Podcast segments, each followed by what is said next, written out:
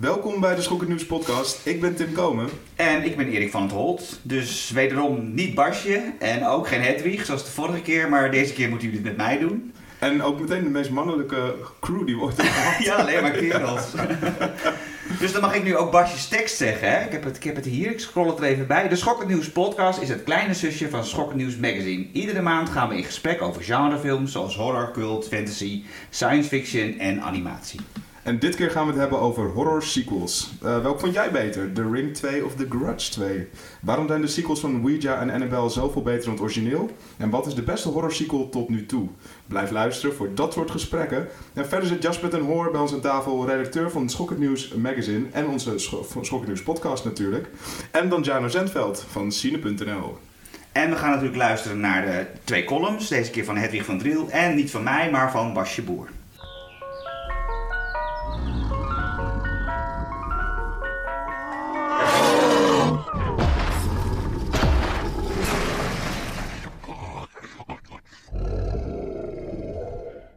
Oké, dan gaan we nu voor het rondje. Uh, aangezien we toch heel erg in de horror sequel sferen zitten, hebben we allemaal een horror sequel gekeken.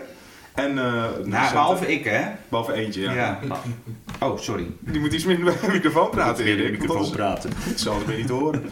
Uh, inderdaad, behalve Erik, want jij hebt Blade Runner 2049 gezien. Ja. Wat vond je ervan? Ik vond hem heel gaaf. Ik moet wel zeggen dat ik hem ehm, dat ik hem, zeg maar, hoe verder ik ervan af was, dat ik hem iets minder gaaf begon te vinden. Uh, omdat ik wat meer ging nadenken over het plot. Er zitten toch wel wat rare gaatjes in, zeg maar, in dat plot.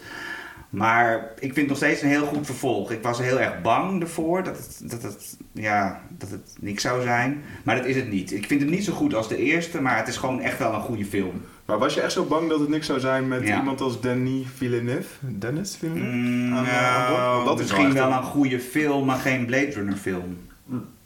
Maar die, die, die spirit heeft hij er wel die in. Die spirit eh, zit er echt wel in, ja. Wat, zeker. Wat vonden jullie ervan? Jullie hebben hem ook gezien, allebei? Ik heb hem niet gezien. Oh, nou, laat dan maar. Ik heb hem gezien. ik, vond, ik, vond, hem fantastisch. Ja, toch? Ik vond het echt een hele goede film. Ik vond uh, Blade Runner zoals het nu gemaakt werd en uh, dat, dat, dat, was voor mij de film. Ik vond uh, Villeneuve vind ik een hele goede regisseur. En uh, ik, ik, deel jou, jouw angst eigenlijk niet. Ik had vanaf, eigenlijk vanaf het begin, toen duidelijk werd dat hij het ging doen, had ik daar best wel vertrouwen in dat hij, dat hij er iets goeds van ja, zou ja. maken. Ik had er geen nachtmerries van hoor, maar ik maakte ik dacht wel van ja, ja, ja. kan zijn, misschien maakt hij zijn eigen ding er helemaal van. En dan kan het nog steeds een goede film zijn, maar je verwacht toch een bepaalde sfeer. Een, en dat, ja, dat vond ik goed aansluiten. Was het niet juist goed dat hij zijn eigen ding zou maken? Want als Ridley Scott ermee te maken heeft, krijg je dat Prometheus verhaal. Ja. Waar je denkt, dan snap ik de angst dat het heel kloot kan worden. Nee, maar het is in die zin een goed vervolg. Want het moet ook helemaal, niet helemaal een herhaling zijn van het origineel. Want je bent wel, je bent en verder in de tijd, in het verhaal. En je bent, we, zijn, ja, we leven nu ook in een andere tijd. Maar ik vond nog steeds dat, dat, hij, ja, dat, hij, dat hij het goed heeft gedaan. Hij had er zelf overigens wel angst voor. Ik heb laatst een, um, je hebt een hele toffe podcast. De Directors Guild uh, Association podcast. En dan gaat een regisseur, in dit geval Ryan Johnson van de nieuwe Star Wars, ging uh, Denis Villeneuve interviewen over Blade Runner. En toen vertelde hij ook dat hij het zelf juist hartstikke eng vond. Want ja, de, de fans die verwachten er echt wel wat van. En hij moest heel erg lang nadenken voordat hij uh, ja heeft gezegd tegen dit project. En heeft voornamelijk met de DOP, um, ehm, die bekende DOP, die... Ja, Jullie hebben maar, nee, nee. Van James ja, Bond ik weet wie je bedoelt. Volgens ja. mij. Die, uh, nou, zoek er zelf op. Ja. Die heeft hij, daar heeft hij echt alles mee uitgetekend. Echt een maand lang in een kamer opgesloten en alle storyboards gemaakt. En die was ook enorm betrokken bij het, um, ja. bij het proces. Nou goed, dat zie je natuurlijk ook wel vanaf, want het is meer een sfeerfilm geworden. Ja, dan dat, dat het een enorm plot-driven actiefilm was. Maar dat is de eerste natuurlijk ook. Ja, en tegelijkertijd vond ik ook als je nu, uh, wat jij zegt, uh, Erik, dat klopt wel. Uh, achteraf vond ik ook, toen, hoe, hoe, meer ik, hoe langer ik uit de bioscoopzaal weg was, hoe meer ik ook ging nadenken over het verhaal en het plot. Maar ik vond wel dat het plot en de, de, de, sfeer, de acteurs, de, de, de tekst, de regie, alles bij elkaar voelde als een geoliede machine. Ja, ik vond het ook ontzettend gaaf geacteerd van iedereen. Ja.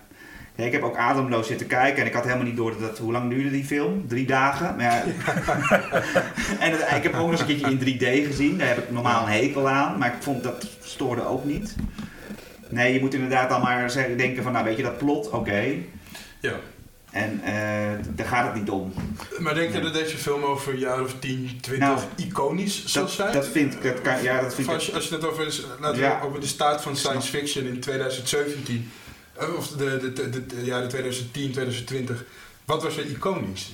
Zal, ja. dat, zal dat dan Blade Runner... Dat vond ik weer een interessante vraag. Ja, heb ik, ik, heb dat mezelf ook al afgevraagd, maar daar kan je gewoon nog geen antwoord op geven. Dat is juist bij die originele heeft het zo lang geduurd voordat hij deze juist. staat Ja, dat, destijds vonden heel veel mensen dit niks. Nee, dat klopt. Toch zo grappig als je nu naar de journalisten kijkt. Dus de ene helft zegt ja, fantastisch, meesterwerk, iconisch. En de andere helft zegt eh. Ja, ja. Dat was, die verdeeldheid was bij het eerste deel volgens mij niet zo groot. Het was niet een gigantische hit, maar het was niet ehm, voor of tegen. Dat zie je nu wel meer. Ik denk omdat eh, journalisten naar de film gingen met hele hoge verwachtingen. En als het minder dan iconisch is, dan hoeft het ook gewoon niet meer, lijkt het. Dat, dat, zo leek het een beetje met wat ik online her en der heb gelezen.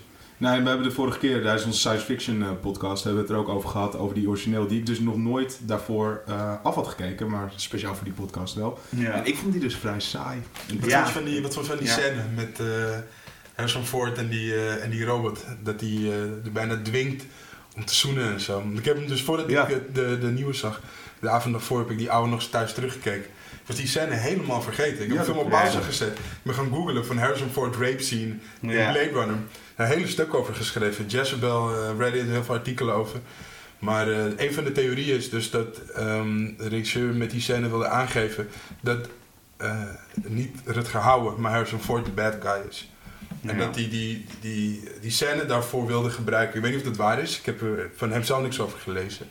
Maar ik vond het wel interessant. Ja, het is een hele interessante film. En ik, ik vraag me ook af of dat soort discussies deze film ook wel weer losmaakt over hoe, hoe artificial, artificial intelligence, in dit geval natuurlijk die robot, ja, hoe hij met haar omgaat en hoe hij haar behandelt. Daar zit natuurlijk wel wat uh, moralistische ja. vraagstukken ja, ja.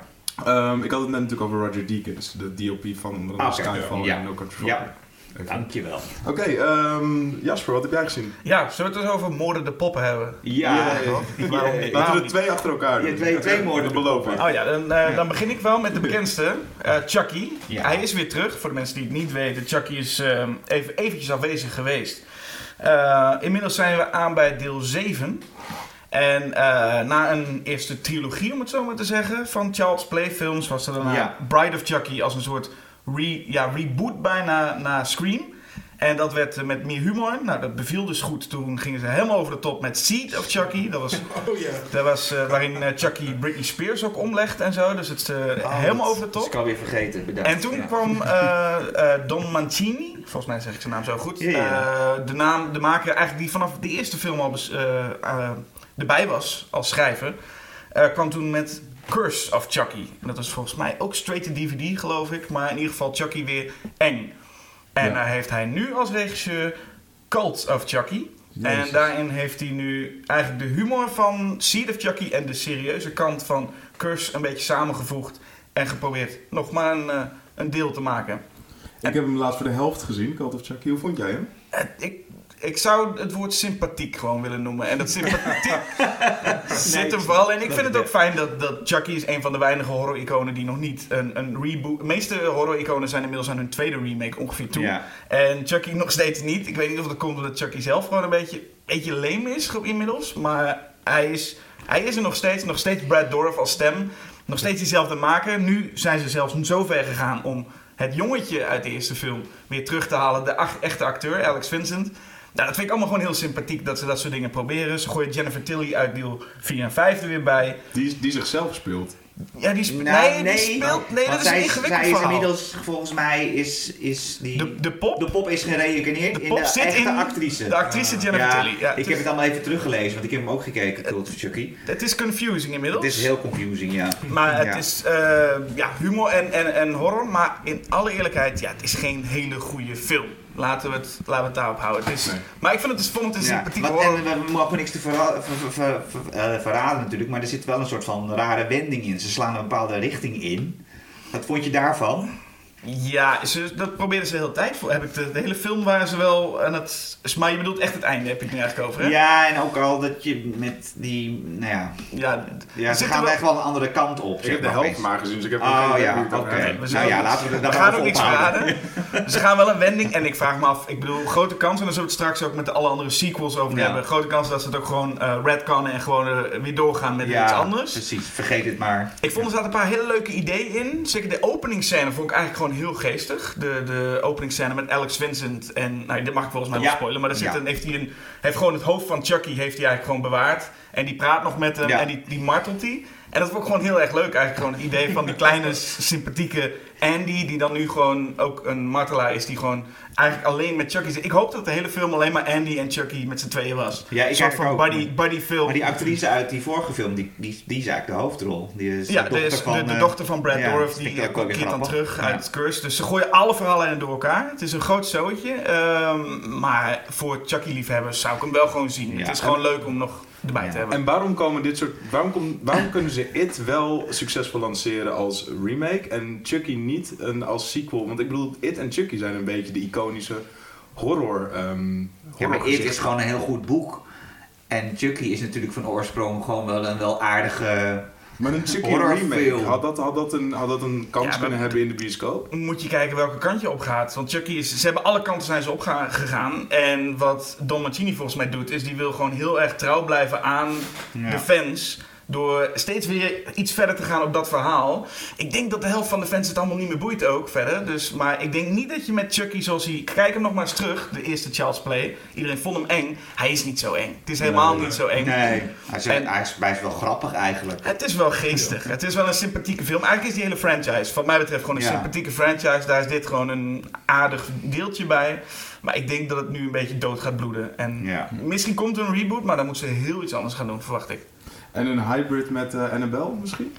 een, Dat eh, heel ander soort Annabelle. toch? Ja. Want er moet of Annabel veel grappiger worden of Chucky. Chucky versus Annabelle. Serieus hoor. Ja. Ik zie die twee niet zo snel. eh. Jij hebt eh, Annabelle gezien, eh Danjano, Ja, onlangs. klopt. Eh, een van Ja. de laatste horrorfilms die je in de bioscoop hebt gezien? Ja, Dus Ja. dan heb je Annabelle Creation gezien. Oh. Annabelle Creation. Ja. Annabelle Creation, Ja. ja. Ja.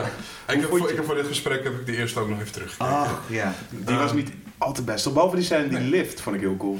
Ja, ja nou, ik heb ze dus ook op de, de, de, de, de onofficiële volgorde bekeken. Want ik heb eerst Creation gezien. En dat is natuurlijk een prequel, eigenlijk.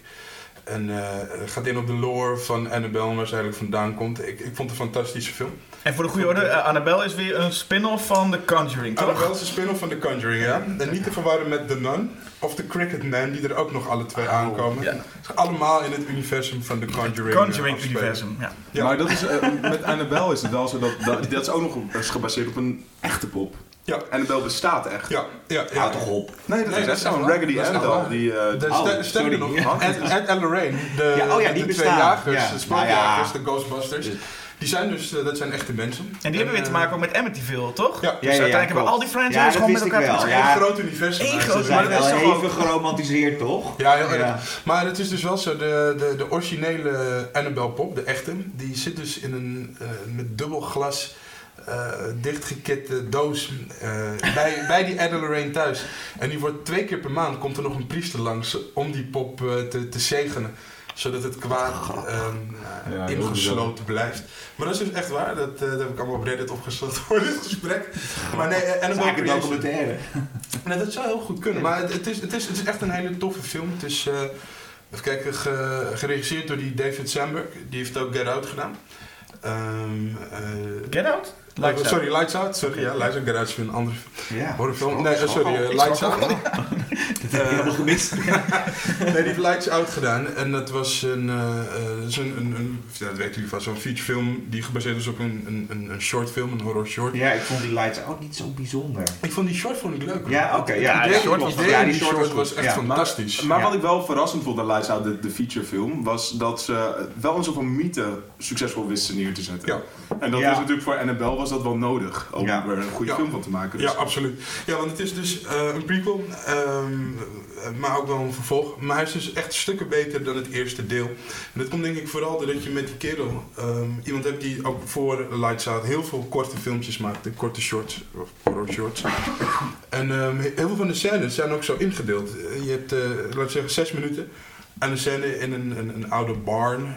Um, dat zou op zichzelf staand een short kunnen zijn. Dus heb je heel veel andere scènes, ook in het huis, uh, het, het, achtervolgen, die heel goed op zichzelf staan een short zouden kunnen zijn. Met die uh, stoel, die automatische stoel. Ja, ja, ja absoluut. Die, alleen die scène al, die, die automatische trapstoel, die, die, uh, dat meisje die is mank of, of kreupel, dus die heeft zo'n stoel nodig om van de trap omhoog naar beneden te gaan.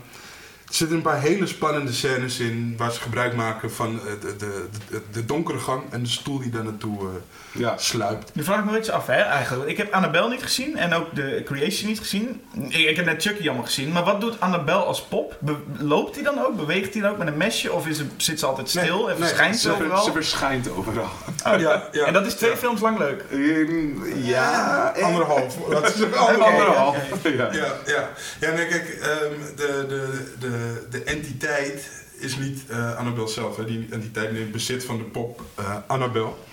Uh, en dus de, het einde, zonder, veel, zonder al te veel te spoilen, maar het einde van Annabelle Creation, dat is ook echt letterlijk het begin van de eerste Annabelle. Die scènes die lopen echt vloeiend in elkaar over. Dat is heel tof gedaan. Vond ik ook tof gedaan, ja. Ja, ja. en daar in die scène, in de laatste scène, zit dus ook een knipoog naar de echte pop. Die ziet er dus niet zo uit als Annabelle op de voorkant van de DVD. Het is iets schattiger, iets meer plusje. Ja, Raggedy Ann uh, ja, vroeger. Ja, ja, precies. Ja, die zit er dus, uh, die, dat komt erin terug. Maar um, nee, ja, ze neemt dus bezit van de mensen om haar heen. Dus de pop is in dezelfde ruimte als, als ik ben.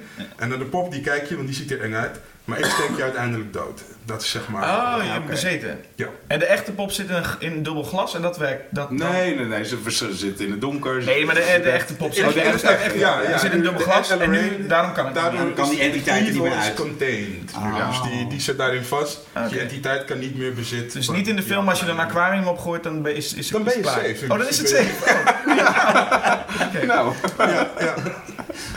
Oké, top. Dus uh, wel, uh, ja, maar wel een aanrader. Het is ja, een, inhoudelijk is het een sterke horrorfilm. Ook wel um, bijzonder dat een sequel eigenlijk dan best wel goed beter is dan het origineel. Ja, ja nou, daar hadden we het voor deze uitzending ook even kort over. Dat, uh, mijn idee daarover is dat filmstudio's, productiehuizen willen continuïteit. Die willen hun eigen universa creëren. En daarin um, ja, is, is er niet zoveel ruimte meer voor een, een, een straight-to-DVD slecht deel ertussen. Ze moeten gewoon allemaal goed zijn. Je zag allemaal Ouija volgens mij ook. Ja, dat wil ik zeggen. Dat was die nog heb ik wel film. gezien. En ik, Ouija ook, ja. Deel 2 ja, was stukken beter dan deel, de Ja, dat klopt. En dat was ook weer een prequel volgens mij. Ja. Dus, uh, ja, dat, dat vraagt me af hoe lang dat nog interessant blijft. Want dat kunnen we natuurlijk nu wel met iedere horrorfilm gaan doen, een prequel. Maar ja, ja het is een beetje, ik vond die twee ook heel erg op elkaar lijken. Nou, we zullen het zien inderdaad. Um, Laten we het hebben over jouw vervolg. Wat heb jij gezien? Ik moest ook even nadenken. Oh ja, ik heb, ik heb afgelopen week, um, dacht ik, omdat ik daar toch wel altijd goede dingen over las. Maar ik had hem ook ooit wel eens gezien, maar wist ik niet meer. Hostel Part 2. Ah, ah, ja. En dit is, uh, deel 1 gaat natuurlijk over een uh, groep jongens die... Uh, heb je hem gezien of niet? Ja, ja. Die, die dan soort van naar, naar een hostel gaan, maar daar... dat schijnt een soort van verkapte martelbedrijf um, te zijn. Dus je kan als hele, heel rijk persoon kun je geld bieden op mensen die worden voor jou ontvoerd. En die worden in een kamer gehouden. Je mag daar binnenkomen. Je mag alles met diegene doen wat je wilt. Nou, dat zit uh, hier. Uh, gaat, dat, eigenlijk is het precies dezelfde. Dezelfde organisatie, ja. Ja, precies. Bijna dezelfde film, alleen dan met drie meisjes in plaats van ja. jongens. Nou, op zich wel. Uh, ik, ik, ik vind Eli Roth um, niet per se de beste regisseur die er rondloopt. Maar op jo. een of andere manier qua exploitation best aangenaam naar te kijken. Als in, hij, hij heeft leuk, tussen alle ranzigheid in zitten best wel grappige scènes hebben mensen vaak best wel interessante chemie. Bijvoorbeeld ook in Knock Knock met um, Keanu Reeves. Heeft hij best wel, ja ik weet niet, er, er zit wel iets in. Maar is het, bedoeld, is het bedoeld als exploitation? Of? Ja, er zit, uh, wat, wat, ik, wel, wat ik ook ja. las in een recensie, en dat klopt ook wel. Er is gewoon geen spanningsopbouw. Het is gewoon, het is alleen maar ranzig. Dus ze, zit gewoon, ze gaan gewoon heel snel van 0 naar 100. dat is volgens mij wel wat je in een exploitation film wil. Volgens mij zat het in die eerste hostel nog wel. Want ja. dat wordt een beetje als een soort urban legend wordt dat gebracht. Gaan ze naar Amsterdam, Als je naar een hostel gaat in, ja. in Oost-Europa, dan kan je wel eens verdwijnen. Het is ja. een beetje zo'n zo'n broodje aap verhaal wordt het een beetje... Maar dat is dan nu, uh, zijn ze dan ja, een soort van kuuroord waar die meiden dan heen gaan. Ze ontmoeten een andere, uh, zo'n hele knappe dame. En die uh, is natuurlijk al vanaf het begin niet te vertrouwen. Ja, dat, dat, dat heb je al meteen door. Dus je weet ook precies al hoe, het in, hoe de vork in de steel ja. steekt. Wat, wat ik wel origineel vond, was dat ze dus twee Amerikaanse mannen ook volgen. Die dus ja. die deal hebben gesloten. Dus je, gaat, je ziet ook wel echt hun stappen. en eentje, klopt, ja. daar zit ook nog een grappige twist in. Dat, dat, dat is Ja. best wel grappig gedaan. En de meest ranzige scène, dat is dat meisje van Welcome to the Dollhouse. Kun je jullie Ja, die film oh, ik weet al wat je gaat zeggen. Dat is hele lelijke meisje. Dat ze aan het plafond hangt. Ja, ze hangt aan het oh, plafond Ik en- vond het echt afschuwelijk. Ja, zij komt, ze wordt een, eh, ik weet niet, ik kan het een beetje spoilen toch? Een beetje. Jawel. Eh, zij, zij hangt ondersteboven aan het plafond en er komt een, een, een hele rijke dame die komt binnen met een enorme zeis. En laat ik het zo zeggen, die wil heel graag een bad met bloed hebben. Dus die, Ah, oké. die zorgt er eigenhandig voor dat het ook echt gebeurt. Op een hele ranzige Ik heb manier. die film ooit achter de computer gekeken met een koptelefoon op. En ik heb toen een keer letterlijk op een gegeven moment mijn koptelefoon op mijn hoofd afgeworpen. Ja. Die geluiden komen heel hard binnen. Ja. En mijn vriend zat op de bank te- ook naar iets anders te kijken. En die keek naar mij en zei, wat zit jij te kijken? Ja. Ja, is ook echt Oswald, heel- nee, heel maar dat doe je dus ook. Ik weet het niet. ik heb Hostel 3 overigens nooit gezien. Ik weet niet. Ja, die schijnt weer heel slecht. Heb ik ook niet In Las Vegas volgens mij. Heel, eh, juist weer heel eh, tam vergeleken met die andere delen. Oh, ja. Wat En wat je, wat je net zei vond ik wel interessant, dat het eigenlijk alleen maar ranzig is. Maar denk je dat is de Saw-reeks, of laat ik zeggen Saw 2 tot, tot 14, Ja. daar iets mee te maken heeft gehad? Dat het vooral inventiviteit van de kills is. En dat het niet eens zozeer meer om, om het scenario gaat. Maar laten Ja. we de kijker gewoon met, met inventiviteit en met, met, met gore om de oren slaan, weet je. En dan, Nou, ik denk een beetje net als wat we net zeiden over die B-films tussen in, in franchise, dat je daar nu niet meer mee wegkomt. Maar dat was daar wel de tijd toen voor, ja. Dus je had Saw, je had Hostel, je had nog je had Human Centipede. dat Human was vooral heel ranzig. Ja, ja, En het is nu gewoon... Het moet nu wel iets slimmer zijn dan dat. Ik, ik denk ook, een kleine voorspelling, want nu we deze podcast opnemen is nog niks bekend over Jigsaw. Maar ik denk dat het best wel een leuk film kan worden. Ik denk dat die namelijk grappig, of grappig gaat worden of best wel spannend en slim. Nou, ik las dus een, eh, kort artikeltje over eh, eh, het NRC, die bij, voortaan eh, bij de recensies schrijft dat ze geen ehm, screening of preview moment hebben gekregen. Daar gingen ze toen dieper op in in eh, de site waar ik het artikel las. En dan schreef ze dus toen dat filmhuizen en, en dus de, de eh, distributeurs die de films in de screening stonen voor journalisten, dat die ehm, de, de Rotten Tomato score en allemaal dat soort dingen, dat, dat heeft zoveel invloed nu op je box office. Ja, dat is ook zo. Dat ze gewoon geen screenings eh, meer houden. En eh, dat is dus nu het idee dat als er dus geen screening gehouden wordt, dan is de film waarschijnlijk niet zo goed. Dat werd altijd al wel gezegd, maar, de, ook, maar dat is met een paar films heeft dat wel het tegendeel bewezen. Ik, ik vind Maar het is, moeilijk. is er nou iemand die naar Saw 8 gaat en dan eerst gaat kijken op Rotten Tomatoes van nou, is het wel een beetje een goede film? Ja, kan ik nou ja, wel wat mee? eigenlijk wel. Bijvoorbeeld ik. Als ik namelijk zie dat zo'n film kut Dus is... als dan ik ga dat ik Saw 8 niet zo goed bekritiseerd wordt, dan denk je nou, dan ga ik er misschien niet naartoe. Ja, nou precies. Nou Ja, ja, luister, Tim had zelf op zijn, eh, op zijn Instagram page een heel interessant stuk daarover, over Final Destination. Daar zijn er nu ook zes of zeven van. Maar er zijn inderdaad, de tweede is heel goed, de vijfde is heel goed, de vierde is weer minder, de eerste was eh, leuk geprobeerd. Eh, dus het zou best kunnen dat mensen willen weten welke van de delen is nou eh, wel Ja. goed, welke niet goed. Ja. Dus dat, dat, dat vind ik niet zo far-fetched. Maar ik snap wel wat je bedoelt. Als journalist zou je in principe niet meer... ehm, eh, het- of tenminste, als je daarover gaat schrijven, dan weet je waar je over schrijft.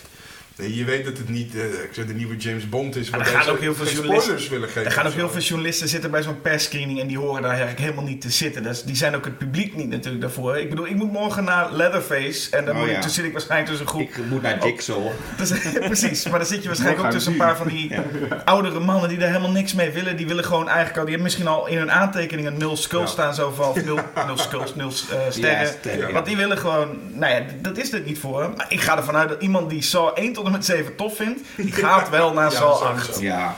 Dat is waar, ja. Ja. Maar toch, als het een verrassend goede film is, dan ga ik ook. Als hij kut is, ga ik niet. Dus dan heb je toch een bezoeker die daartussenin zit. Nou, dan Ja. is het voor jou, dus inderdaad. Ja, dat is, dat is eh, een goede maatregel.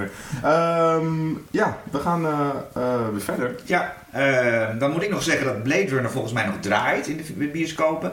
En alle andere films, die kan je, heb ik uitgezocht, die kan je gewoon huren op de betere VOD-kanalen.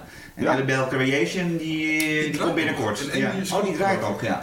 Nee, Hostel 2 kan je ook gewoon eh, op iTunes en op andere, die kan je gewoon huren. Oh, wat Ja. goed. Nou, geen allemaal, rol. allemaal, Ja. allemaal kijken. En dan gaan we nu luisteren naar de column van Hedwig van Driel. En daarna gaan we gewoon weer lekker verder praten over sequels. Dit is Hedwig met Blast from the Past. Het is bijna Halloween, de griezeligste nacht van het jaar.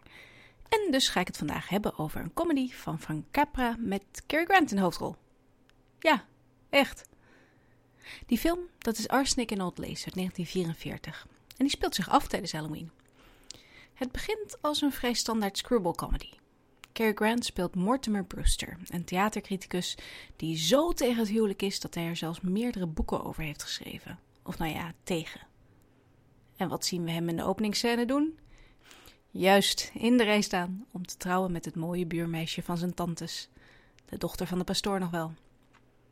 Maar geen zorgen, ik heb deze film niet alleen gekozen omdat hij toevallig trouwt op 31 oktober. Nee, je moet eventjes doorzetten, want voordat Mortimer en zijn spiksplinternieuwe bruid op huwelijksreis gaan, maken ze een tussenstop bij zijn tantes. En daar vindt Mortimer in de charmante kist naast de vensterbank een vers lijk. De scène waarin Mortimer zijn lieve oude tantes confronteert met deze vondst is direct het komische hoogtepunt van de film. Vooral door het contrast tussen de steeds toenemende ontreddering van Mortimer en de niet te verstoren opgewektheid van de oudere dames Brewster. Oh ja, in, dat bankje, dat, dat is meneer Haskins. En hoe hij daar komt, dat uh, weten ze ook. Ik zal niet alles verklappen, maar de tantes blijken lang niet zo onschuldig en lief als ze eruit zien. Als dan later op de avond ook nog eens Jonathan komt opdagen, de criminele broer van Mortimer, met zijn handlanger Dr. Einstein, dan kan de morbide klucht zich helemaal ontspinnen. Niet alles aan Arsenic en Old Lace is geslaagd. Hij duurt uh, twee uur, wat voor zo'n film eigenlijk veel te lang is. En sommige subplots komen niet echt goed uit de verf, de romantische en het bijzonder. Je moet ook tegen de iets wat gedateerde stijl kunnen. De grimassen van Cary Grant zijn nou niet bepaald subtiel te noemen. Maar veel is ook wel geslaagd. Die grimassen van Grant, als je ervoor openstelt, zijn ze hilarisch. Vooral in contrast met de kalmte van veel van de andere personages. En uh, doordat zijn personage theatercriticus is, willen personages hem steeds weer toneelstukken laten lezen die ze hebben geschreven. Wat zorgt voor wat heerlijke meta-momentjes. Nog meer meta. Jonathan, die wordt gespeeld door Raymond Massey. En zijn personage wordt woest als je hem vergelijkt met een zekere acteur. En laat dat nou toevallig de acteur zijn die de rol van Jonathan speelde in het toneelstuk waar de film op gebaseerd is. Welke acteur? Nou, eentje die vooral bekend is geworden als het monster van Frankenstein. Kortom, griezelen zou je met deze film niet. Maar voor wie een gezellig avondje wil lachen op de 31ste zijn er weinig passendere titels te bedenken. Dit was Hedwig met Blast from the Past. Terug naar de rest van de podcast. Dankjewel Hedwig. Ja, sequels. Uh, wat betreft horror sequels zijn er zoveel uh, goede als slechte ongeveer te, te, ontdekken. En we gaan nu ze, laten, laten we ze gewoon even langs gaan. Wat zijn nou de goede en slechte? Dus je zult, wat, wat, je zult wat tips krijgen dit aankomende half uur. Ehm, maar ook zeker een aantal films zullen de revue passeren die niet zo heel goed zijn. Misschien als eerst maar eventjes een klein rondje. Wat vinden jullie de beste horror sequel die ooit is gemaakt? Heeft iemand daarover nagedacht? Jazeker. Ja, oh, top. Ja, zeker. Ja. Voor, voor mij is er één uh, het allerbeste. En dat is Nightmare on Elm Street 3, Dream Warriors. En voor mij is dat echt... Uh, alles wat een goede horror sequel moet zijn, is dat. Het pakt het, de premisse van de eerste film. Heeft dat, uh, maar voegt er iets aan toe, in dit geval ook humor. Maakt het groter, maakt het nou ja, breder eigenlijk nog. Maar is wel trouw aan het oorspronkelijke verhaal. Dus eigenlijk je krijgt niet een letterlijke herhaling, hè, wat je in sequels vaak ziet. Dan herhalen ze gewoon de formule. In dit geval bouwt het verder, maar je kunt het na elkaar wel bekijken. Het is niet dat je ze los moet zien. Dus voor mij is uh, Dream Warriors echt een step up. Maar, want ja, dat is meteen een interessante vraag. Meet je dat dan aan hoe de film ervoor was en dat het een enorm dat een verschil is in kwaliteit?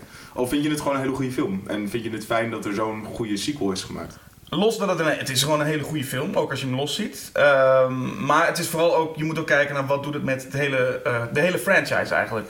Is een sequel is niet alleen maar een goede film. Want als je zegt, uh, zoals net met Annabelle, dat is een niet zo'n goede film, dan heb je een goede film.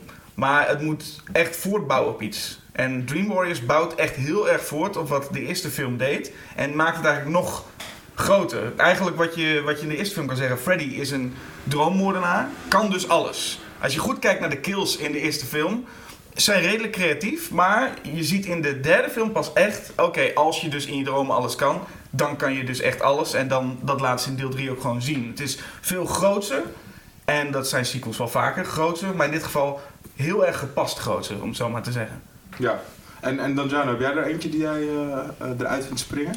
Uh, ik vond The Conjuring 2 vond ik heel goed. Maar ik vond ook, uh, ik heb hem ook gisteren gekeken, maar Scream 2 is fantastisch. Scream 2, ja, Scream 2 oh, ja. vind ik echt, verrassende keuze. Echt een ja. hele, hele, hele goede sequel. Echt uh, fantastisch. Weet je, het, het, wordt best wel meta. Ze nemen het op de hakken. Eerste scène, dat is ook Stab, geloof ik. Ja, dan gaan ze in waarin, Stab toe. Ja, waarin ja. Mackay Pfeiffer en Jada Pinkett naar de film gaan. Worden ze in de bioscoop worden ze gedood. Het, het, begint fantastisch. De, de manier waarop de twee door het beeld gesneden wordt in bloed. Is echt, echt fantastisch vond uh, de, de, de, de lore gaat goed verder. En ik vind het ook heel leuk dat ze zelf... Um, ja, wat ik zeg, het is heel meta. Ze beschrijven zelf wat in de film wat een goede sequel is. En vervolgens voert de film dat uit. De kills zijn interessanter en groter. Um, uh, het, is, het is bloediger, dat is feitelijk ook zo. Maar hebben ze voor de eerste film 90 liter bloed gebruikt en voor de tweede dan weet je, 160 liter bloed. Dus het, het is in, in, in, alle, alle facetten die een goede horror sequel is, dat, dat heeft het wel in zich. En was je dan niet een beetje teleurgesteld toen Scream 3 uh, ineens dat allemaal een beetje overboord gooide? En ja. eigenlijk weer een beetje standaard slasher werd? Ja, ja dat, dat vond ik wel jammer. Maar kijk goed, ik was, ik was een enorm fan. En, uh, ik ook hoor. Ik vind ook dat Scream heeft ook de zeitgeist buiten horrorfilms heel goed vastgelegd toen. Blijkt als je de films nu terugkijkt trouwens. Maar dat is een, dat is een ander verhaal. Maar ik, ik, ik moet zeggen, ik was gewoon blij om weer met, uh, in, in Woodsboro te zijn. Ik, was gewoon, ik vond het gewoon leuk om weer met, uh, ja precies, al mijn vrienden en zo, weet je. Dus dat, dat, dat voelde gewoon weer goed. Dus ik, ik kan ook heel moeilijk slecht praten. Is het de beste franchise? Op het gebied van horror? Nou kijk, Wes Craven is er nou verbonden, dat is een van mijn favoriete horrorregisseurs. Um, voor mij persoonlijk, ik weet dat, uh, waarschijnlijk is het niet zo, maar voor mij persoonlijk voelt het wel zo. Ja. Erik? Uh, ja, ik had, ja, ik had ook eigenlijk Nightmare 3. Vind ik ook een hele goeie, maar ik, ik heb een heel rijtje gemaakt met dingen die ik nog ook wel leuk vind. En dan kies ik Evil Dead 2 eruit. Ja, dat was mijn tweede keuze. Oh, ja. Dus ja. ja. ik heb er dus helemaal niks mee met Evil Dead 2. Oh, nee? Nooit het mee gehad. Nee, ik heb het echt vijf keer geprobeerd te kijken. Ik kom er niet doorheen. Hoe, heel... hoe, oud was je toen voor de eerste keer? Ja, de eerste keer was ik echt 12. Oh, hoe kun je er nou niet doorheen komen? Dat is juist de film die je opzet en volgens mij is hij dan voorbij al. Het is... Oh, echt? Ik vind het echt... Ik weet hij is wel raar. Ik vond het zo... Hij was raarder dan ik had me herinnerde. ik heb die Evil Dead dingen dit jaar voor de allemaal even terug... Uh, films, dingen allemaal uh, teruggekeken. En de eerste film is gewoon wel, wel aardig in die zin, het is een, het is, het is een beetje een, toch wel, ja, echt zo'n eerste film met heel weinig geld. Ja, heel veel noemden ook de eerste film echt een horrorcomedy, maar dat valt eigenlijk best wel mee. Ja, valt wel mee. In de tweede, dan, dus, dan pakt hij inderdaad, eigenlijk doet hij de eerste, het is een soort van sequel, maar ook een beetje een remake. Nee, maar, ja, nee, een beetje wel. Nee, het is geen remake. want niemand zegt dat Army of Darkness een remake is. En die vertelt in het begin ook het verhaal nog even opnieuw. Nou ja, het is, maar het is, hij sluit dan niet netjes aan, laat ik het zo De film sluit heel... Ja, je moet eigenlijk het begin eraf knippen. Ja, ja, omdat ze hadden de rechten van de eerste film niet. Als je de, de film loopt echt naadloos in elkaar over. Ja, ja, ja dat klopt. Maar en dan gaat het verhaal het klopt even niet, zeg maar. Het begin wordt even snel opnieuw verteld uh, hoe die daar kwam. actrices. Uh, maar ik hoor vaak mensen die een remake... En dan... Ja, ik vind het ook helemaal niet erg. Maar je ziet duidelijk dat hij meer geld en beter weet wat hij aan het doen is. En ja, hij is echt wel een horror comedy uh, regisseur. Maar dat moet je wel tegen kunnen. Maar daar had ik moeite mee inderdaad. Dat het dus dat het zo'n enorme omslag was na de, ja. die ik wel... Maar vind je bijvoorbeeld wat, eh, wat Peter Jackson heeft gemaakt? Ja, ik ben er niet zo... Feebles en, en uh, dat Dead Alive, vind je dat... dat vind je is niet mijn slag, ja, ja. slagfilm. Dat zal ook wel een persoonlijke ding zijn hoor. Dat zal wel, want maar, Evil Dead 2 wordt inderdaad altijd wel gezegd ja, ja, de beste... Daarom, het zijn allemaal van die geëikte antwoorden. Hè? Als je op internet gaat opzoeken van wat zijn de beste horror sequels, ja dan... Maar klopt wel. Dan is het vaak mijn rijtje. Ja. Ja, ik zat meer te denken aan The Devil's Rejects. Die vond ik een, een van de beste, ah, betere. Ja, Ook, juist omdat het ook een drastische hmm. verandering in toon was. Maar voor mij was dat dus wel een goede beetje, net als dat Kill Bill een enorme, ja, van een hele andere soort film, geen horrorfilm te noemen. Maar, dat is heel, dat, maar als, zodra je daar een klein beetje op voorbereid bent, in het geval van Devil's Rejects en zo van Kill Bill, dan vind ik dat wel fijn. Dan kan ik ja. daar wel goed Ja, ik, um, met die films is iets minder. Ik vind ze niet slecht, maar ja, er zit wel echt een enorm groot verschil Ik ben niet echt een, ja. zombie-fan, zeg maar.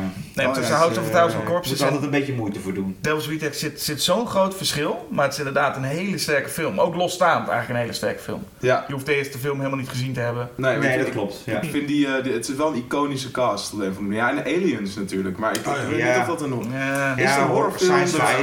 Ja, Aliens is eigenlijk meer een actiefilm. Alien is meer een soort horror sci-fi. Horror sci-fi, denk ik. Ja. Alien 3 trouwens wel echt een horrorfilm. Ja, ja, dat is ook niet zo. Ja, dat is, maar goed is het niet. Echt, nee, dat is geen goede goede geen goede. Nee. Laten we dan meteen een klein beetje gaan naar, want ik hoor veel slashers, als we het zo hebben over uh, wat de beste sequels zijn. Um, ja, slasher sequels, want da daar, zijn, daar is veel. Uh, wat moet een goede sequel van een originele slasher te bieden hebben? Nou, in eerste instantie, wat ik eigenlijk zelf al zei, is, is het doorbouwen. Je Ja. moet doorbouwen en je moet vooral niet verpesten wat de, het origineel heeft gedaan. Eigenlijk, als je goed beschouwt, zou ik willen zeggen dat alle Halloween sequels eigenlijk vrij kloten zijn dat ze er Ja, gemaakt zijn. Goed voorbeeld inderdaad. Want ja. Halloween 1 is, is eh, Michael Myers, wordt eigenlijk een personage neergezet dat... eh, we weten niks van hem, we weten niet waarom hij doet wat hij doet. En wat moet je in sequels doen? Iets uitbouwen.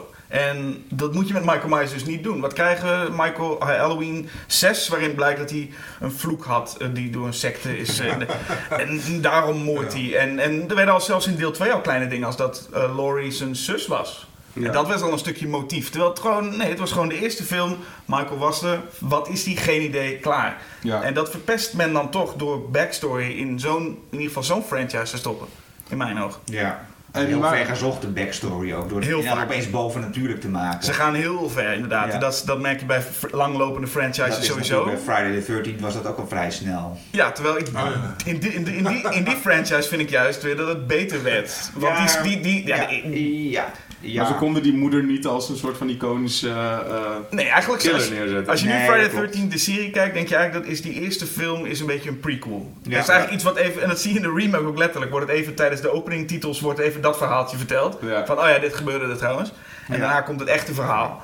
En daar kreeg ze echt, nou, als je goed bekijkt, kijk, neem de eerste Friday the 13th en ga naar dat later Jason, haar zoon in, de, in space, eh, tieners uitmoordt en met robots Ja. vecht. Dan denk je, wow, dit is in één keer ver gegaan. ja. Maar in het geval van Halloween, bij Friday the 13th, verpesten ze voor mij niet zoveel. Maar bij Halloween verpesten ze eigenlijk echt iets van het personage. Maar dat, ja, en, en hoe kijk je dan naar de nieuwe Halloween? Want daar is dus John Carpenter is daar heel erg bij betrokken. Eh, het is een reboot slash remake. Oh, die volgend jaar Ja, die volgend jaar in 2018 komt met Jamie Lee Curtis. Ja. Ja, want eh, dat is wel grappig dat in die franchise van Halloween hebben ze eerst deel kwam H2O. Ja. Ja, En die zei eigenlijk van, oh ja, één- deel 1 en 2 hebben echt, eh, zijn echt gebeurd. Maar 4, 5 en 6 mag je vergeten. En nu komt er weer een film die zegt, nee, alleen deel 1 is gebeurd.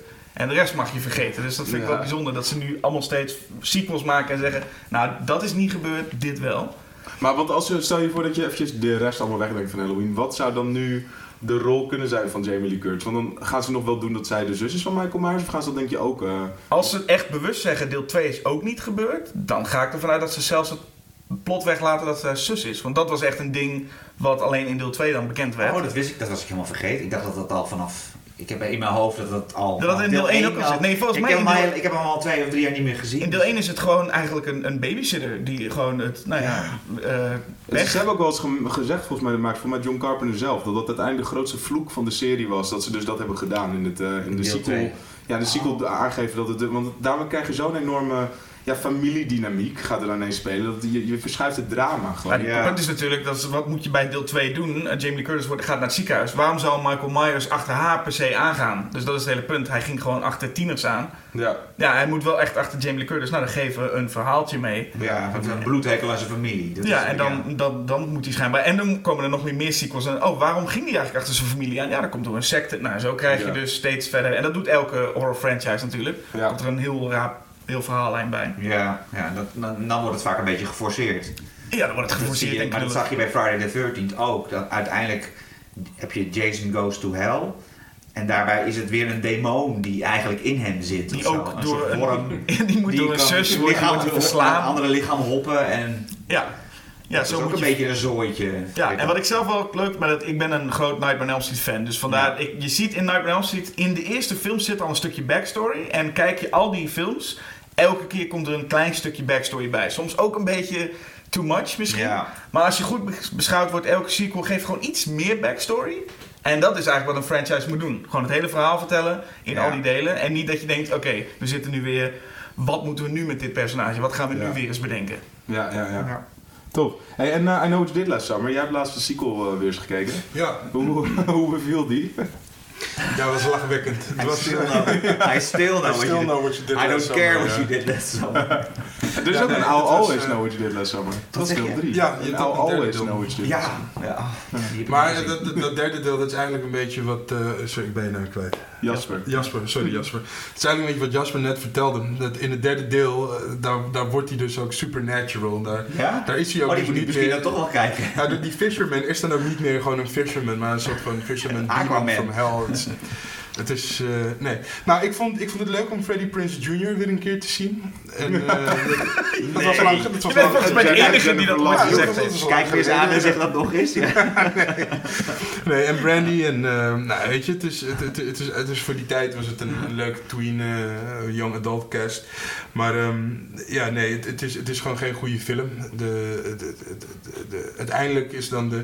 Het is toch op een eiland? Sorry, ik, zit even, ik, probeer, ik ben Ja. de film aan het herbeleven nu. Ja, ja, zit op een eiland vast, maar het, het mooie is dat het begint met ze winnen een, een, een prijsvraag op de radio, waardoor Oh, ze naar het ja. eiland gaan. En dan is de vraag wat is de hoofdstad van Brazilië. Zoals Rio de Janeiro en dan winnen ze de prijs. En het is eigenlijk al heel suf, want dan weet je al precies wat op het eiland gaat gebeuren. En hey, kijk, er varen geen boten meer. En oh, nu is de elektriciteit afgesloten. Weet je, dat, dat gaat door totdat ze... Ja, er- nou goed, ik, ik zal niet verder spoilen. Maar eh, de, de, een, van, een van de moordenaars heet Benson, van zijn achternaam. En als je weet wie de killer uit het eerste deel is, dan is het niet zo moeilijk om te bedenken hoe, Oh, het zich zal ontvouwen. Dat, dat is dus het niveau waar we het- over hebben als je hebt over... eh, I still know what you did last summer.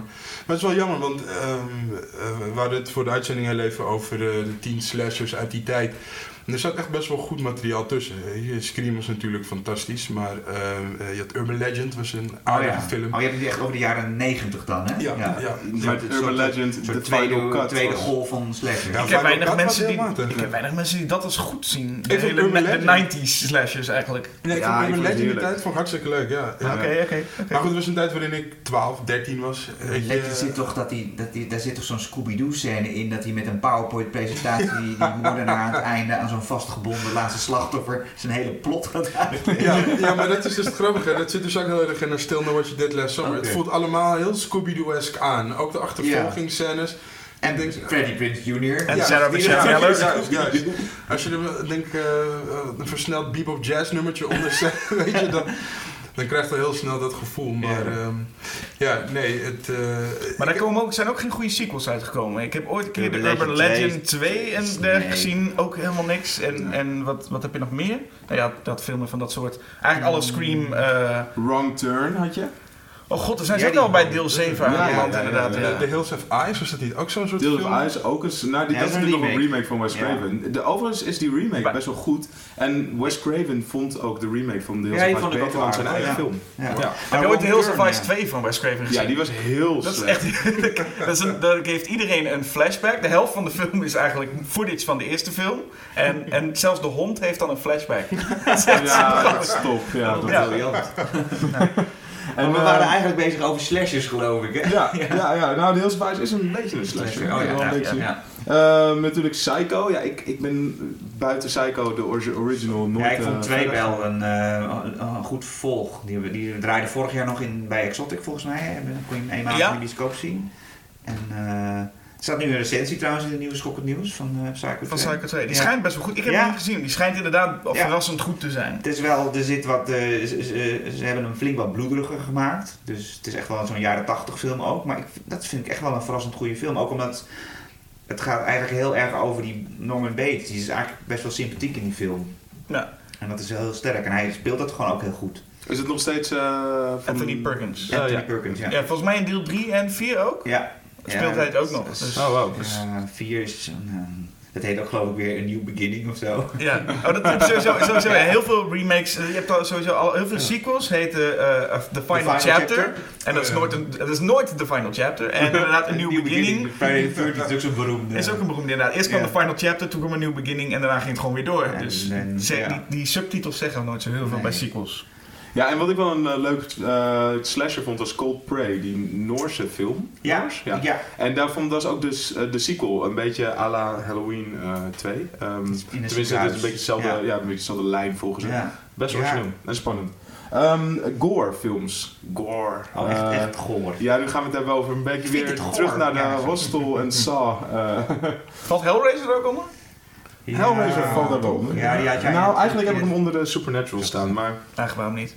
Ja, sommigen hebben meerdere labels. ja. Zullen we maar zeggen. Ik moet hier een eh, shout-out geven voor eh Rack. Ik vond Rack 2, van, die speelt zo zeven Rack was minuten na eh, de eerste af.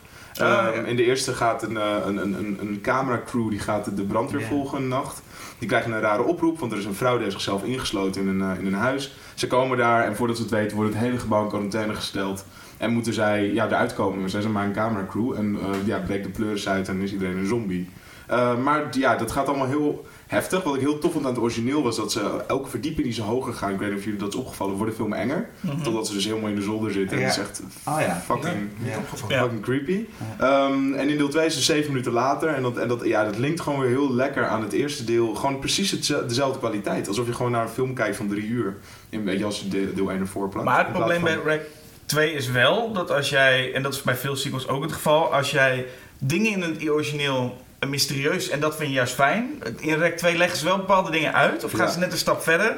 Als je dat niet bevalt, ik, kan het ook, ik vond het op zich ook wel tof bij Rack 2 dat ze verder gingen. Ja, Maar ik kan me ook wel heel goed voorstellen dat je denkt, oh, ik, ik vond het fijn dat ik niet alles wist. maar dat kun je toch bijna, kun je dat, kun je dat wel maken? Als in, je, je, je, je wilt je, je fans van je originele film, wil je weer naar de bioscoop lokken. Juist met de belofte van je krijgt meer van het begin, maar je krijgt ook meer uitleg. Nee, je moet altijd gaan, altijd gaan uitleggen. Dat is zowel dus een, ook een valkuil kan dat zijn. Omdat Ja. het, eh, de uitleg enorm tegen kan vallen. En het kan Ja. inderdaad het mysterie verpesten. Ja, en Het bij, kan iets zijn wat jij, je had misschien in je hoofd iets heel anders bedacht. Dat heeft voor mij trouwens Paranormal Activity echt helemaal verpest. Oh ja, dat ze daar, ik ik, vond de, gestopt. de eerste vond ik heel tof hoor. Dat, eh, weet je, dat verrassingseffect was goed. Maar toen ze alles gingen uitleggen daarna in de volgende delen, Ja. dat, dat sloeg allemaal nergens meer op. Het dat was, ook niet meer, vaak het was is- ook niet meer eng. dat is vaak wat ze in sequels toch moeten doen, Ja, ik, ik uitleggen en probeer verder nu te bedenken van, ja, jij, je Halloween eh, gaf jou aan, dat hadden ze beter niet kunnen doen. En, dan, en ik probeer dan een, een- iets te bedenken waarbij het wel geslaagd... Ja, Nightmare on Elm Street gaf je net aan, vond je het wel geslaagd? Vond ik het persoonlijk wel geslaagd. Er zijn Ja. wel meer sequels inderdaad waar het wel geslaagd is. Wat ik grappig vond bij Rek bijvoorbeeld, is dat ze in deel 3, heb je deel 3 ook gezien? Ja, Want daar, daar, daar heeft dat, echt- die heeft, dat heeft helemaal nergens mee te maken. Nee, nee, dat een geven ze volgens mij zeggen ze iets over bijna. Het- een gebouw. er is één linkje en verder is het gewoon een standalone film. Maar En deel 4... die heb ik dus nog niet gezien, Dan maar daar gaan ze wakker op een, op een cruiseschip volgens mij. En dan gaat, maar dat wel dat meisje uit deel 1 en 2. Ja, het is wel een beetje een gekke franchise Ja, inderdaad. gekke franchise. Maar bij deel 3 is het een beetje zoals Halloween 3 heb je het gevoel. Dat ze gewoon eh, een totaal andere film, staat helemaal los van. Ja. Ook een heel andere toon. Het is volgens mij meer horrorcomedy. Ja, en, en, en niet, meer, eh, eh, niet meer handheld. Dat is gewoon En niet meer, nee, klopt. een classic Nee. movie. Gewoon. Ja, gaan ze in de film, schakelen ze toch over. Van, Ja, ga heel eventjes kort inderdaad. Ja. Ja. van, ja. ja, het was niet al te best die eh, delen. Eh, Saw, nou daar zijn er natuurlijk duizend delen van. Ehm, ik, weet, ik weet dat ik het een beetje kwijtraakte nadat Jigsaw in deel 3 doodgaat. Toen dacht ik echt, ja, weet je, nu heb je eigenlijk ook heel dom om dat te doen. Om je, om je grote killer dood te laten Maakte gaan. mij wel benieuwd, want ik, toen ik deel 3 zag, wist, waren er al volgens mij nog andere vervolgen. En ik dacht de hele tijd, hoe gaan ze dat nou doen? Als je hoofdrolspeler dood Ja. is, hoe gaan ze dat doen? Dat was het enige wat interessant was aan die vervolgen. De disciples, laat maar zeggen. De mensen die Oh ja, ik, volgen. ben, ik, ben, heb ze allemaal wel gezien. Was niet ook zijn Maar- dochter in eentje? Of zijn Ja, pleegdochter of Nee, zo? niet Chica deel 1, maar die Clem. Die, eh, die, die, die, weet je wel, die... Oh ja, ehm, maar die werd toch ook wel op een gegeven moment weer... Er er zat de hele tijd toch... En zo, eh, een van die agenten is dan ook een van- een ja, precies. Ah, dat klopt ja. Ja, Ja, dat gaat wel een echt Nu een geloof beetje het terug, ja. ziekenhuis. Die Ja. is dan ook, eh, geloof ik. Ja. Maar wat heel kloot is aan die sequels van Saw is dus dat als je met iemand praat en eh, je zegt ik hou van horror, dan of, of Saw is een goede film. Als je dat dan zegt, zeggen ze, oh nee, daar hou ik niet van, al die ranzigheid en alleen gaat Terwijl alleen deel maar 1 door. echt een En deel 1 is gewoon, is. ja, past een beetje niveau 7 bijna. Gewoon Ja. zo'n spannende goede film, Zeker waarbij je ineens, ja, nu moet opboksen tegen, oh dat is die, ehm, nou ja, dat zijn, dan hebben ze het over de sequels met, oh zoveel mogelijk ranzigheid. En dat is Saw helemaal niet, Nee. de eerste film niet. Nee, klopt. Nee, maar het is het wel geworden. En dan moeten ze natuurlijk bij elke... Zij gaan in elke sequel volgens mij steeds een stapje verder. Van wat moeten we nou weer bedenken aan... Ik krijg echt van bij die films op een gegeven moment de slappe lach ervan. Ja, maar ja, bijvoorbeeld wat het verschil vind ik in ieder geval vind het niet griezelig meer. tussen Saw en Final Destination, weet je, dat, zijn ook, dat is ook zo'n serie die maar doorgaat en zich Ja. maar blijft herhalen. Is dat Final Destination leuk blijft om naar te kijken, omdat die kills zo origineel zijn. Maar bij Saw was dat op den deur helemaal niet meer zo. Nee, maar ze- Final Destination was vanaf deel 1 toch eigenlijk al gewoon ook komisch. Het was er ook lekker Ja, over de tuurlijk. top en gewoon gek doen. Maar bijvoorbeeld in deel 5 zit een scène dat een meisje op een, eh, op een evenwichtsbalk ehm, iets moet gaan doen. En dat is, Ah, die, die film is, of de, die scène is super spannend. Spannend. Gewoon echt, ga maar kijken. Ik heb hem laatst zelfs aangezet bij vrienden. Nou, iedereen zat echt op het puntje van de bank. Echt zo, jezus, dit is zo'n vette scène. Terwijl dat is wel echt origineel om dat nog te doen in deel 5. Terwijl bij Saw is deel 5 volgens mij worden, ja, worden mensen alleen maar doodgevonden. Nee, Final Destination is ook eigenlijk een, een, een, een premisse die kun je heel lang doortrekken. Volgens Ja. mij kan die franchise heel lang duren, want je kunt er alle kanten mee op. Je kunt alle soorten mensen, alle soorten... Je kunt Final Destination in een bejaardentehuis, geen probleem. Ja. Saw daarentegen is gewoon, ja, het is een beetje, nou het is wat het is. Dat hebben we nu al gezien. Ja. Mensen opgesloten en die moeten een spelletje doen. En, en dan komt er zo'n pop binnen fietsen geloof ik. En, en, Ja. en Ja. heeft Saw niet ook dat, dat hele torture porn eh, genre, hebben zij dat niet eigenhandig eh, populair gemaakt ook? Saw wel, ja. ja. En daar, daarna kwam Dat is wel heel mainstream, toch? Dat maakte torture porn mainstream. Ja, klopt. En het werd, het, het- daarna zijn films ook altijd wel ranziger geworden dan... Ja, dat Vroeger. idee heb ik ook wel. Ik bedoel, het is niet meer zo... eh, Ja, klopt. Want die laatste Chucky film waar je het er straks over hadden, dat is ook behoorlijk... Die gaat eh, wel verder dan, ja, dat is Ja. anders wat dan wat ze in de jaren 80 nog willen doen. Ja. Maar bijvoorbeeld de Evil Dead remake, ik weet niet of jullie die eh, hebben gezien. Dat is Ja. behoorlijk... eh, ja, behoorlijk die was hard. ook... eh, Gaat, gaat wel ver, ja. ja. Vond ik Ehm, wel heel tof trouwens. Die Ja, ik ook. Toevallig gisteravond uh, nog gekeken. Doet het ook erg goed in groepen. Kan je vertellen. Vooral als ze de eigen arm gaat afzagen. Ehm, Supernatural sequels. Ik heb ook nooit een sequel van The Exorcist gezien. Oh, Oh, dat Oh. ja, hoeft ook niet. zou ik ook niet, niet Ja, die Nou, tweede is wel lachen. nee, de derde is wel lachen. Nee, de tweede ik, is, bedoel, ik bedoel letterlijk lachen omdat het zo omdat de het tweede is, is. nee, de tweede is slaapverwekkend. Oh ja, ik, moest, ja ik, ik heb er heel hard aan moeten lachen. Ook. De ja, derde is, klopt, de, ik ja. vond de derde wel je ook is met een hele goede scare, toch? In de, Ja, in de derde zit over. ongeveer de beste jumpscare die Klopt. bestaat, zit in deel 3 inderdaad. Ja. Maar de, de tweede is echt een... een Ja, de tweede moet je met een groep kijken en heel veel, heel veel drank. Oh, ja. Heel veel drank. En Echt veel, echt in veel. een dobbelbil met de swarm. Ja, maar dat is ook sowieso de vraag. Dan heb je de Exorcist. Waarom zou je... Ja, tuurlijk, geld. Oké, maar waarom zou je een sequel maken van The Exorcist? Wat was nou... Ja, Nee, geld. Ja, Ik precies. denk geld. Ja. Nou ja, zolang dat er, als dat de reden is, dan eh, zit je eigenlijk dat verkeerd, zo toch? goed. Ja. Ja. Dat eh, William Friedkin heeft daar niks meer mee te maken gehad met de sequel, of wel? Eh, deel 3 wel, volgens mij. Oh ja? Of nee, niet William Friedkin. Nee, eh dinges, eh, de schrijver van het boek. Ja, ja, Peter, Peter William Bla- Black. Betty. Zoiets, ja. Nou ja. ja, die heeft de deel 3 geschreven, ook het boek, en heeft hij het ook niet geregisseerd. Ja, dan meen ik ook dat hij Ja. het geregisseerd had, geloof ik. Dus, Ja. maar, nou ja. En zijn er hier fans van eh The Blair Witch, The Book of Shadows? Mm, nee. Zijn die er überhaupt? Nou, ik heb hem dus laatst gekeken. Hij is best vermakelijk, maar ik durf het bijna niet te nee, zeggen. ik, heb, Zou ik ook niet hem- Ik vond hem echt heel vervelend. Maar die Book of Shadows, dat is toch ook eh, dat ze dan van het found footage afstappen? Ja. Dat is Ja. ook gewoon een Dat normale vind ik op film. zich niet zo erg. Ik heb echt een hekel aan found footage. Ja, is- Nee, kijk, bij Blair Witch was het wel Nou, iconisch ja. natuurlijk. Hè? Ja, ik heb er een hekel aan gekregen, laat ik het zo zeggen. Ja, ik- een beetje een dat- zombiefilm, found footage. Maar als je En dan dat, dat- vooral een found footage zombiefilm. Wel. Maar als je dat laat varen na deel 3, 4, dan snap ik het nog wel. Maar bij de sequel al meteen van dat found footage afstappen. En dan vervolgens voor deel 3 weer teruggaan naar found footage. Maar dat is ook een domme keuze. Ja, dat is best wel een domme keuze. Wat vonden jullie van die, eh, die reboot?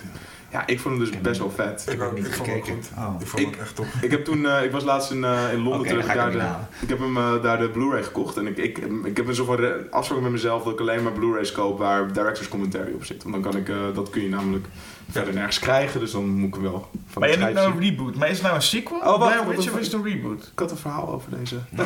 director's commentary. Ja. Het, is een re- het is een reboot, se- ja, sequel, sequel reboot. Dus het gaat over... En een de- requel. een re- Ja, ja. het, is een, het is een reboot. Wel anders. coinen. Het is een beetje het- dezelfde stijl als de eerste. Dat is daar, daarna niet meer gedaan. En tegelijk is het een sequel, want het gaat nu over de broer van Heather uit deel 1. Die gaat eh, op zoek naar zijn zus. Maar het is wel echt al 16 jaar later. Oké. Dat is hoe het gaat. Eh, maar goed, op de eh, director's commentary dan heb je dus de regisseur en de schrijver. Die eh, zijn dus aan het praten over de film. Die director's commentary is ongeveer een maand opgenomen nadat de film echt knetterhard is geflopt in de bioscoop. Deze twee mannen zijn zuur. Jezus, het is, echt- het is bijna zielig. Gewoon, gewoon dat je echt... Je voelt je ook een beetje bezwaard. Dat die, ja, ze hebben gewoon een enorme flop gemaakt. Niemand ging naar deze reboot toe. En zij zijn ook echt... Ze, ze haten hun eigen film ongeveer. Dat is wel jammer, want de voortekenen waren best wel goed. Eh, het, het, ging zelfs even viral dat er Ja. een nieuwe Blair Witch kwam. En eh, die heet- film heette eerst volgens mij... eh, The Woods. The Woods, juist. Ja. In de zeg je dat, ontwikkelfase was het The Woods. En er kwam een trailer uit, die heette ook The Woods. En mensen waren echt enthousiast. Hey, Dus nieuwe hij vette horrorfilm. onterecht geflopt, vinden jullie? Ja, Ja, ik, ik, vind wel, ik vind van wel. Ik, Ja. vind wel ik, ik heb me toen, eh, ik heb een heel formaat in de bioscoop. Ik vond eng. Ik, eh, Maar los dan dat je je vermaakt, als we het over sequels hebben, waarom is het een goede sequel? Want waarom had Blair Witch Project een sequel nodig? En wat is daar goed aan? Nou, kijk, ik denk niet dat de film een sequel nodig had. Ik, uh, dus hadden er een andere titel op geplakt, dan was het ook goed ik, ik denk dat als die film The Woods was blijven heten en de verwachtingen niet zo groot waren, en het had hetzelfde, hetzelfde verrassingselement wat de trailer had, want dat was het wel, opeens was er The Woods, denk ik dat het een ander verhaal was geweest. En dat mensen hem zijn gaan vergelijken met de Blair Witch Project en bedrogen uitkwamen. Uh, als, als, als The Woods de Blair Witch Project was geweest, was het een andere film geworden. Nou, en ik denk wat ze uh, een beetje hebben gedaan, maar niet genoeg. Maar wat wel, wat wel een betere sequel maakt, is dat ze gebruik maken van cameratechniek. Kijk, toen hadden ze twee camera's en gingen ze de bossen in, destijds, in 1999. Nu heb je drones bijvoorbeeld. Dus een van die gasten heeft een drone, die laat hem opvliegen. Daar, zit daar kun je natuurlijk best wel toffe dingen mee doen. Dat, dat kan wel het element van deel 1, dat camera gebruik, eh, vergroten en enger maken. En nu gaan ze dat huis weer in. Ze hebben dat hele huis ze nagebouwd uit deel 1. Dat hebben ze een soort van nagetekend. En er zit een enorm claustrofobische scène onder dat huis. Zo, uh, die, waar mensen echt... Uh, ik zat echt uh, te, te puffen in mijn bioscoopstoel. Dus ja, dat, het, het, het, daar zitten wel hele. Het is, hij is enger dan de, het origineel, eigenlijk. Dat absoluut. Hey, en wat jij nog zei over de lore en het uitbouwen van het verhaal en het uitleg geven, dat vond ik trouwens in deze heel goed gedaan. Want ze hebben niet zoveel uitleg gegeven dat het niet meer eng was. Ja, dus ze hebben het niet verklaarbaar gemaakt. Hm. Maar ze, ze, hebben het wel mysterieus genoeg gehouden. Want het, het, eerste natuurlijk, dat, was, dat sloeg helemaal nergens op met hoe mysterieus dat was. We wisten helemaal niets aan het einde van deel 1. Nee. En dat, dat is in principe nu nog steeds zo. Je weet meer dan het einde van deel 1. Maar je weet nog steeds niet alles. Je weet niet uh, hoe, hoe ze daar terecht gekomen. Wat is er aan? Dat, dat is nog steeds helemaal onduidelijk. Dus als je het hebt over uh, continuïteit en, en hoe ze de lore uit deel 1 gebruiken, vind ik dit hier best wel goed gedaan. Ja, ik ook. En, uh, da daarna zeiden ze ook uh, dat dan wel, die regisseur en die schrijver, die zeiden op een gegeven moment hebben ze een ze in het huis lopen en dan komen allemaal lichten schijnen van buiten binnen. En dan zeggen ze ook tegen het publiek, ja jongens, al waren jullie gewoon naar ons film gegaan, de bioscoop, want jullie later nog de uitleg gehoord waarom dit zo is in een later deel, maar ja, die gaat er dus niet komen. dus het is oh. heel jammer, maar Blair Witch is bij deze begraven en dood. Tenzij ze binnenkort een nieuw chapter gaan uh, doen. Een nieuw beginning. Een nieuw beginning. Uh, de final chapter. um, te lang over Blair Witch. Uh, we gaan door met Ouija. die deden dus erg goed, de sequel. Want dat is eigenlijk een prequel. Zijn prequels sequels? Nee, het is een prequel. ja. Nou, ja, jeetje. is die verwarring wat, wat, wat, wat, een vraag. Ja, jeetje, nee, vind ik een goede vraag. Ja, je kan, het, het valt natuurlijk een beetje in hetzelfde mandje, denk ik. De sequel, de prequel, remake, reboot. Het is allemaal een voortborduring op. Nou ja, een remake in principe niet. Nou ja, als voortborduring op. Uh, ja, meestal wat ze bij een remake... Je hebt wel gelijk, officieel is het natuurlijk iets anders, maar ik bedoel meer, het zit een beetje in hetzelfde mandje. Je hebt een film en daar wordt, daar wordt op voor geborduurd. Ja. ja, wat je nu tegenwoordig veel ziet, dat is wat, je, wat ik nu in ieder geval veel zie. Sinds 2003 zijn remakes, hè, met Texas Chainsaw Massacre waren remakes helemaal hot. En dat betekende niks, niks wat met het origineel te maken heeft. Gewoon vergeet alles, dit is opnieuw beginnen. En wat je nu heel veel ziet, is dat uh, sequels dus weer inkomen. Dus allemaal bekende horrorfilms krijgen juist weer sequels. En gaan ze juist weer referenties. Want ze komen erachter dat vooral horrorfans, maar fans in het algemeen, zijn heel trouw en willen echt alleen maar referenties naar. En van horror remakes wordt ook altijd gezegd: Oh, wat tof dat die een cameo had. Verder vinden ze de film niks, maar die in het origineel kreeg een cameo. Dus dat betekent al wel. Dan luisteren ze een beetje naar: Oh, het publiek. Wij zitten allemaal in de bioscoop, wij willen iets zien van vroeger. Wij willen een beetje nostalgie. En ik heb het idee dat daarom de sequels nu steeds meer in zijn. Je ziet nu zelfs de Phantasm, deel 5. Ja. Daar zie je ineens, en dat heb je in. Uh, Chucky ook. Er komen ineens personages die je ooit een keer had gezien van vroeger, komen ineens even weer voorbij. Puur om die fans te pleasen. De, echt de meeste normale bioscoopganger die denkt, ja, ik kan, dit boeit me helemaal niks. Wie is dit? Maar het gaat echt om die fans te pleasen. Dat zie je nu steeds meer. En dat kunnen remakes niet zo goed, maar dat kunnen sequels als ja, de beste. Dus dat is misschien ook de reden waarom we nu zo'n Halloween vervolg krijgen. Ja. Op het origineel en niet. Mensen die opgegroeid zijn met Rob Zombies Halloween, die, boeien toch, die weten niet eens wie Jamie Lee Curtis is. Dus wat kan hen dat schelen? En nu ineens zegt John Carpenter: Ik ga iets doen met Halloween en Jamie Lee Curtis komt terug. En iedereen is helemaal lyrisch. Nou, die fans worden nu beloond. En daar krijgen nu heel veel, uh, heel veel sequels uh, mee.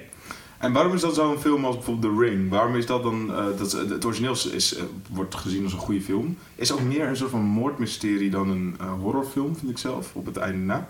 Um, uh, maar waar, hoe kan zo'n serie dan zo verknald worden in de sequels? Dus in Rings en The Ring 2? Hoe de, hoe de, waar, waar, waar misschien? Ja, ja waar, waar, waar dat soort... Waar, want het lijkt wel alsof, tenzij je een Ouija of een Annabelle hebt... waarbij dus de prequel de sequel is... en dus Uh, op de een of andere manier, zou ik nog een beetje wat ik bedoel? Ja, ja.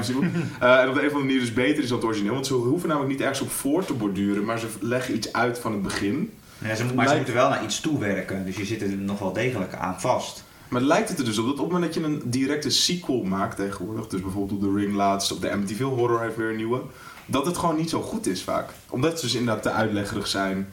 Ja, of je moet gewoon een verhaal hebben wat ook nog iets, waar je nog iets verder moet vertellen. Als ik de Blair Witch Project, wat jullie net vertelden, denk ik, oké, dat klinkt nog wel als iets wat dus een sequel waardig is. Maar eigenlijk als ik de Blair Witch Project zie, denk ik, niks hiervan vraagt om een sequel. Dit was één grote hit. Nee, jij stelt eigenlijk net wel de goede vraag van waarom heeft dit een sequel nodig? En dat is vaak niet zo. En meestal is Tenzij je het als een trilogie bedenkt, ja. van tevoren al, en denkt, nou ik ga eerst deel 1 doen en ik zorg dat er een beetje een leuk einde aan zit voor als het toch niet als het, Als ik verder ga borduren, kan ik hier En dat gebeurt niet zo vaak, denk ik. Nee, en wat je, het, het, meest extreme voorbeeld, ik noemde net al Hellraiser, het meest extreme voorbeeld is Hellraiser, waarin ze eerst wel een soort van sequels wilden maken, maar vervolgens hebben ze gewoon scripts gepakt die niks met ja. Hellraiser te maken hadden. Ze hebben de Pinhead ergens een paar keer ingeschreven. Ja, Hellraiser erop geplakt en zeiden sequel. Het is een sequel omdat uh, uh, Doc Bradley elke keer Pinhead speelt. Omdat Doc Bradley zit erin, die zit ook in een paar scènes in. Dat sequel, zeg maar. Ja, ze hebben volgens mij gewoon een soort van Jacob's Ladder-achtige scriptjes gepakt.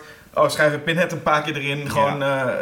uh, even Ctrl-V, Pinhead, oké, klaar. En Hellraiser. En dan heb je natuurlijk helemaal geen sequel. Dan is het gewoon iets wat onder die titel wordt uitgebracht. Ja. En um, uh, is het dan misschien beter om tegenwoordig universes te scheppen? Bijvoorbeeld dus als ze, ze doen met de Kong en Godzilla. Uh, je hebt de Cloverfield universe, je hebt de Conjuring universe. Zijn dit interessantere um, structuren voor... Je hebt wel meer rek, weet je wel. Een, een sequel is maar, je moet maar dat, dat ene verhaal uitbouwen. Ja, en nee, ik moet je zeggen, ik vind het soms een beetje vermoeiend, omdat je het idee hebt dat het nooit af is. En je elke keer weer door moet kijken. Want zeker, nou ja, dan nu stappen we een beetje van Marvel de horror af bij Marvel. Ja. Dus elke keer weer, uh, het is nog niet helemaal af. En dan, uh, ja. ja. maak gewoon je film, vertel gewoon je verhaal en vertel daarna weer wat nieuws. Dat vind ik een beetje het nadeel van zo'n universe. Voor mij hoeft het allemaal niet bij elkaar te horen. Ik vind het ook een beetje een domme trend inderdaad. Want je moet nu, maak eerst eens even één goede film. Daarna kun je wel een, iets van een universe, maar met Marvel ook. Je, is, het bouwt volgens mij wel allemaal naar iets op. Maar ik weet nu al, want dat is met Infinity Wars, dan wordt het echt opgebouwd naar iets met al die stenen, weet ik veel wat voor ja. doen. Maar daarna houdt het niet op, daarna gaat het nog weer door, dat weten we nu al. En dan denk ik, het is toch veel beter als het een keer ophoudt. Dat moet je hebben. Maar dat gaat dus voor mij als bioscoopganger ook gewoon als een cash grab voelen. Dat vond ik ook bijvoorbeeld bij um, The Hobbit. Uh, de, vond ik dat ook al, waar ze toen van een boekje van 40 pagina's drie hele films van hebben gemaakt. Dat je krijgt het idee dat ze, wat je ook zegt, in plaats van dat ze het verhaal vertellen, laat ze dat zo open mogelijk, zodat ze mij nog een keer naar de bioscoop kunnen halen. En zodra ik dat door heb, dan haak ik wel af. Ja. Dat, dat zat in de Mummy, die laatste Mummy-film, heel erg. Er werd ook al uh, Dr. Jekyll uh, geïntroduceerd en nog wat anders. Je denkt, hou toch op, vertel nou gewoon, vertel gewoon je Mummy-verhaal. Nou, ja. En vroeger werd dat natuurlijk in elke horrorfilm gedaan. En de discussie was altijd de producent of... was bij Nightmare on Elm een goed verhaal. Wes Craven wilde een, gewoon een gesloten einde. Klaar, dit is mijn film.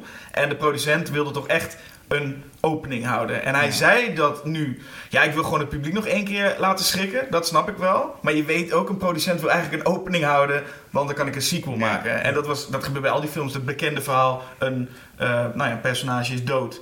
En dan ineens komt het hand weer uit het graf. Zo van, oh, er kan nog een ja. sequel komen. Het meest bekende voorbeeld is Carrie, waarvan je denkt, oh, daar is geen, geen sequel op geweest. Maar zelfs daar is een sequel op gekomen. Ja, Carrie?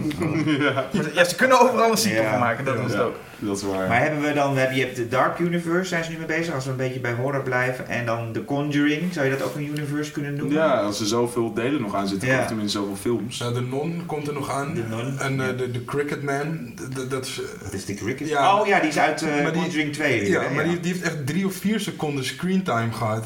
En, en, en dat was het. Weet je, daar gaan dat ze klinkt dus... ook een beetje als uitmelken. Ja, dat, dat zo goed. Maar je zag het al bij de Conjuring, toch? Je komt die, die, die schatkamer binnen en dan zie je al die, uh, al die bezeten dingen. En dan denk je, allemaal oh, films worden. Dit worden allemaal films. Ja. Een beetje met Amityville. Volgens mij Amityville had je ooit die Amityville Horror. En toen kwam vervolgens over de klok en over de... Ja, over de, It's About Time. Misschien over een lamp en over ja. dit en over dat. Elk, poppenhuis. Elk, op het poppenhuis. Gewoon elk elementje kun je dan een film van maken volgens. Maar zou je dan misschien wat meer naar hybrid films toe moeten? Zoals Freddy vs. Jason, Alien vs. Predator. Zou, wat, wat zou, zou daar, zouden daar nog nieuwe... Oei. Krijgen we niet een Annabelle vs. The Nun? Dat zou toch zo kunnen? We krijgen Kong vs. Uh, Godzilla. Ja, die hadden we ook al. Ja, die, ja, in principe die niet zijn heel, eh, dat hebben ze niet Het is weer helemaal een, het is weer een reboot, remake. Ik vraag me gewoon heel sterk af. Ze, zeiden nu, ze zegt nu net ook al de, Kong Godzilla Universe. Ik denk, je hebt nu een Godzilla film. Daarna heb je een King Kong film gehad nu. Straks laat je ze nu één keer tegen elkaar vechten. Wat wil je daarna gaan doen? Nou Dan is het toch klaar? Nee, Of- maar want eh, ik heb laatst Kong gekeken en er zit dus zo aan het einde wordt er gesuggereerd, dan zie je al die grottekeningen en er komt ook eh, King Ghidorah, of hoe heet het? De, Ja, maar daar gaat toch geweest, Even- voorbij, even Mothra. Er gaat toch Al niemand die beesten komen even snel voorbij. Niemand wil dat die- toch zien? Iedereen kent Nee. Kong, iedereen kent Kong Godzilla. versus is even Mothra vraag in twee, de maar in bioscoop, theorie kunnen ze dus 2024. al die beesten kunnen ze loslaten. kunnen ze doen. We gaan naar het grote publiek en vragen: hebben jullie zin in Mothra? Gaan we Nou ja. kijken wat ze Ja, wij misschien niet, maar ik denk misschien in Japan wel. Want dat is natuurlijk ook de, de nieuwe markt is China en Japan. Dat zie je. Dat is waar. Ook, Ja. eh, ook Hollywood richt zich wel. Maar dat is een heel ander verhaal. Sorry. Oké, welke film willen jullie, om het even af te sluiten, nog weer een rondje. Welke film willen jullie een uh, horror sequel op zien? Welke film verdient dat wel weer? Dus niet zozeer een remake of een reboot, maar gewoon een voortborduring op het verhaal. En Jasper, die heeft vast al een antwoord. Ik heb wel een antwoord. ja, Ja. ik gok dat het Nightmare on Elm Street is. Nee, nee, nee, nee, Nee, nee, oh. nee, nee, nee, nee, dus dat is zeker, dat vind ik goed zo nu. Eh, er komt trouwens een nieuwe, dus dat maakt er niet meer uit. Serieus? Er komt weer een nieuwe, ja. ja de nieuwe, dus dat is eigenlijk, Freddy is nu aan zijn tweede reboot, eh, is hij mee bezig. Wacht even, want is het dan wel meer met Jackie Earl Haley? Nee, nee, die is alweer klaar. Echt? komt Dat nu hem even- dus best wel een vette... Vond je die goed? Serieus? Ja. Oké, daar praten we na de podcast nog even over door. Ja. Dat is echt niet, dat is Dan, niet de bedoeling. je even op in het fietsenhok. Ja, zo. Oh, nou, ik was, ik was erg gecharmeerd van hem. maar- Oh, wauw, oké. Ja. Nou, dan, dan weet ik Maar- dat ook weer. Ja? Nee, mijn, eh, mijn eh, is Tucker and Dale versus Evil. Oh, Dat ja. was een oh, film die ja. ik eh, Ja. toen zag. Ik vond het een fantastische film. Ja. Eh, gewoon een, jij bent niet van horrorcomedies, ik wel. dus Oh nee, deze vond ik het erg leuk hoor. Het was een ontzettend the leuk Woods. film. Ik vond twee ontzettend leuke personages. Tucker en Dale, die rednecks. En het is, nou, wat de titel zegt al, versus evil. Ik had gehoopt dat het gewoon Tucker en Dale versus... En kom maar met een hele lading. Kom maar met vampieren, kom maar met zombies. Ik vond het zodanig leuke personages dat ik denk, waarom doen jullie hier niks mee? Alle, alle horrorfilms bevatten altijd van die hele platte gewoon tieners, waarvan ik denk, dit boeit me niks. Ik vond met Tucker en Dale hadden ze eindelijk weer een soort van Ash uit Evil Dead te pakken. Ja. En dan denk ik, zet deze lui, boeit mij het waarin. Zet ze in een haunted house. Zet ze en overal neer. En Een soort de nieuwe Abbe- Abbott en Costello. zoiets, ja, dat had ik heel graag gewild. En ik denk, er is nou ja, één film geweest. Ik vond hem heel tof. Volgens mij heeft hij niet heel goed gedaan. Maar ik dacht, daar had voor mij nee, niet één sequel. Maak maar een hele franchise. Maakt mij niet uit. Dus die nomineer ik. Oké. Top. Dojano. Ja, ik kan niet op de titel komen. Het is een Blumhouse film. Ik weet het, jij kent hem vast wel. Over een broer en een zus. En ehm, ehm, die worden dan alle twee draaien helemaal door. En die zien dingen die er niet zijn. Er is één scène, dan bijt ze... Ik denk dat ze in een appel bijt. Maar dan bijt ze in een... Oh, eh, Oculus. Juist. Met die spiegel. Ja. Ja, ja, ja. Ja. Ja, Daar wil ik heel graag een tweede deel van zien. Die Ja. vond ik heel vet. Ik ook zeker niet op de titel komen. Ja. Maar die vond ik heel vet. Ik vind ehm, films ook zoals eh, Room 1408. Weet je, waarbij er niet echt een aan te wijzen kwaad is. Maar waarbij je zelf gewoon je bewustzijn begint te verliezen. Weet je, je weet niet meer wat echt is en wat niet echt is. En je begint een gevaar voor je omgeving te worden en voor jezelf. Dat vind ik heel spannend altijd. Dat eh, vind ik tof. En wat zou je willen zien in de sequel dan? Eigenlijk meer van hetzelfde. Meer van hetzelfde. Mensen die, mensen die helemaal doordraaien en die niet weten waar het door komt. Het- uiteindelijk is het, volgens mij is het eh, die, die spiegel inderdaad, ja, waar, waar, ze dan, eh, waar ze dan helemaal gek van worden. Maar gewoon zet die spiegel in een, in een, in een random huis en weet je, maak er een weeshuis van, het maakt me niet uit. Zet die spiegel ergens neer en, en, en, en let the chaos begin. Cool. Sounds good. Erik. Ja, ik vind het moeilijk. Ik, ik, ik, liever niet, zeg maar. Gewoon niet, Wauw, je bent gewoon ja, anti-sequel. ik- Ik- sequel. net kwam heel even toen ik spiegel zei, dacht ik, oh, Prince of Darkness. Ik zou wel willen weten, want die, dat, dat- aan het einde wordt er gesuggereerd dat, dat het kwaad weer terugkomt. Ja. Maar misschien moeten we dat ook gewoon maar zo laten. Het is geen sequel. Geen sequel. Ik kan even niks bedenken waarvan ik denk, ja, daar wil ik een sequel van zien. Ja voor, voor mij is het eh, The Strangers, wil ik al een sequel op zien. Daar, is, eh, daar vind ik dat het nog niet heel erg uitgebouwd is. Dat eh, er wordt heel weinig uitgelegd, maar dat hoeft ook niet per se. Maar het is Home Invasion, toch? Home Invasion, ja. ja, ja, Eh, met die enge maskers. En ja, ik wil gewoon nog een keertje terug naar, ehm, naar Sidney Prescott en eh Ja. Ja? En, Scream eh, ja, 5? ik wil Scream 5. Scream 5? Ja, Ja, daar heb ik heel veel zin in. Boy. Ook omdat ik Ja. nou bij Scream 4 na... Ik vond de Scream 4 na de, deel 1 de beste. Dus ik heb zoiets van... eh, ik, het mag wel weer doorgaan. Alleen ja, Wes Craven... Die Wie, wie moet hem regisseren? Dat zou ik je net vragen. Ja. hmm. Eh, ik zou het wel tof vinden als die gozer van Oculus, dus die Mike eh, Flanagan, Ja. eh, die dus ook eh Hush, want hij heeft met Hush wel een hele spannende home invasion slash slasher. Oh, dat was met die dove... Was het Met die dove vrouw. Ja, ja. dat klopt. Ja, was vond best heel spannend. Ja, Ja, dat is ja, dezelfde dat is regisseur van Oculus. Ja. En hij Ja. heeft dus nu eh, laatst, ik weet niet of jullie die hebben gezien, Het is nieuw uit, wel een leuke tip. Uh, Jerry's Game. Gerald's Game. Gerald's Game, ja. ja over een, King, King film. Ja, ja, precies, ja. Over een uh, man en vrouw die gaan naar een boshutje want, uh, om, een, om een kinky sessie te hebben. Hij bindt haar vast aan het bed. Ze krijgen ruzie. hij krijgt een hartaanval. En zij ligt daar vastgebonden aan het bed en kan gewoon geen kant meer op. Dus aanraders kun je nu zien op Netflix. Dus dat is ook wel leuk. Um, nou, dan zijn we zo door onze sequels heen. We wilden ook nog science fiction sequels doen. Maar ja, hè, vorige keer ja, science fiction gedaan. Dat is, Laat maar. En niemand wilde nieuw moeras. We hebben nog niet eens gehad over Children of the Corn 5. Dus uh, nee. we, zijn, we hebben nog lang niet alles besproken. Nee, de Matrix 2. Quitters. Jaws 3D. Ja. Piranha 2. de spanning. Ja, geen slecht woord over Piranha 2. Nee, het is een fantastische film. Jeepers Creepers. Van James Cameron bedoel je toch? Ja, heb ik ook nog een paper over geschreven tijdens de studie. Ja. De vliegende, vliegende piranha's van James Cameron. Ja. leuk. Van die eerste Jeepers Creepers aardig leuk trouwens. Vond ja, ja, ja. Daar zouden ze naartoe terug moeten. Maar voor mij wordt die derde weer vreselijk. En ik geloof dat die regisseur ook nog eens een pedo is. Dus er zijn oh. altijd van alles te doen. Ja. Dat is zeker het geval, ja. Heeft hij voor de gevangenis gezeten. Shut it down. Shut it down. Klaar, Jeepers Creepers is done. Oké, uh, bedankt voor jullie uh, aandeel in dit gesprek. We gaan zo nog even door met het, de vooruitblik om maar weer Sketch op een Universe door te bouwen. Gaan we het hebben over Justice League. Yeah. Um, en uh, Erik, jij hebt nog wat te vertellen over de films die we hebben besproken, of niet? Over alle films die we hebben besproken. Over alle films die we hebben besproken. Ja. Waar zijn ze nu te koop? Begin maar.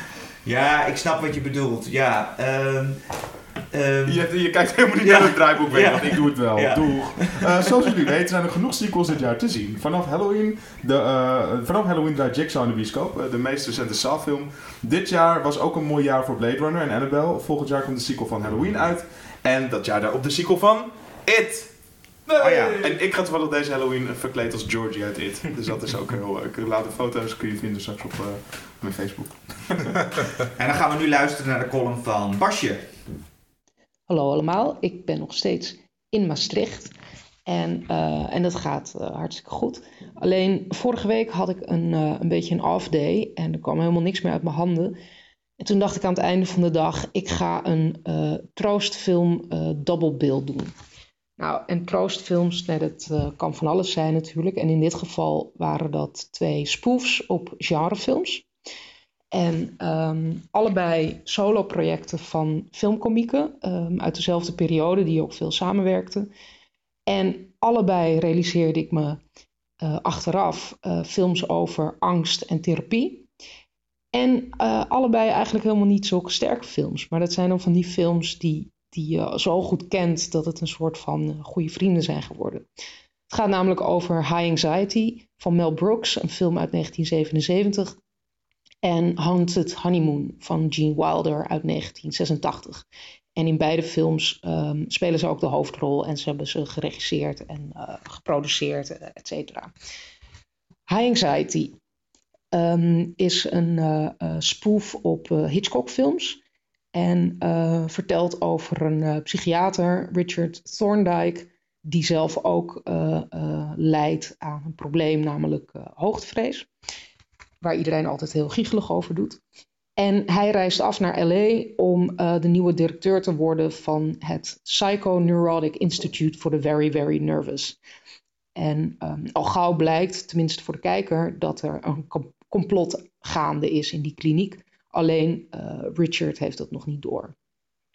Nou ja, dan gebeurt er van alles en nog wat. En um, uh, is er onder andere een, uh, een spoof op de douche-scène uit Psycho, die heel geslaagd is. Verder is de film eigenlijk niet zo geslaagd, vind ik althans. Het is een beetje een flauwe film. Um, Mel Brooks speelt dus de hoofdrol. En ja, ik weet niet, ik, ik vind dat hij dat niet zo heel goed doet. Um, wat ik wel heel geslaagd vind aan de film is de rol van Cloris Leachman. Die voor mijn gevoel ook veel te klein is. Zij gaat echt helemaal los als een totale, bijna fascistische fakes. Um, en uh, ik vind haar sowieso geweldig. Ze is een van mijn favoriete komische actrices. En uh, trouwens, uh, dramatisch gezien ook heel sterk in The Last Picture Show. Um, ik vind ook Madeleine Kahn heel goed. zij speelt wat, um, wat meer straight. ze is de love interest. Maar ik vind haar altijd heel, heel sterk. Hele goede komische actrice. wat me opviel, um, en wat natuurlijk wel vaker gebeurt in spoofs, er worden heel veel grappen gemaakt over film. Uh, dus de, de vierde wand wordt regelmatig doorbroken. Dus dan heb je bijvoorbeeld een moment dat er iets heftigs wordt gezegd, iets wat veel impact heeft. En dan dat wordt ondersteund door een, een uitbarsting van dramatische muziek waarop de personages elkaar verward aankijken van waar komt die muziek vandaan. En dan blijkt dat er een bus langs rijdt waar een orkest in zit dat die muziek speelde. Uh, nou ja, dit is dus inderdaad nogal flauw. Maar er zitten heel veel van dat soort momenten in de film.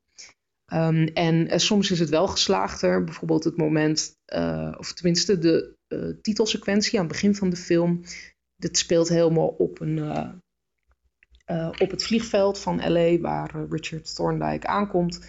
En uh, dat is heel heftig gemonteerd en de muziek erachter is heel opzwepend. En, um, en dan komt Mel Brooks, dus Richard Thorndike, buiten en de muziek valt weg. En dan merkt hij op, what a dramatic airport. Ja, dat, dat vind ik dan wel weer leuk gevonden. Nou ja, Haunted Honeymoon um, is een spoof op de spookhuisfilm. Um, het gaat over eh, Larry um, en zijn aanstaande Vicky. En Larry is dus gespeeld door Gene Wilder.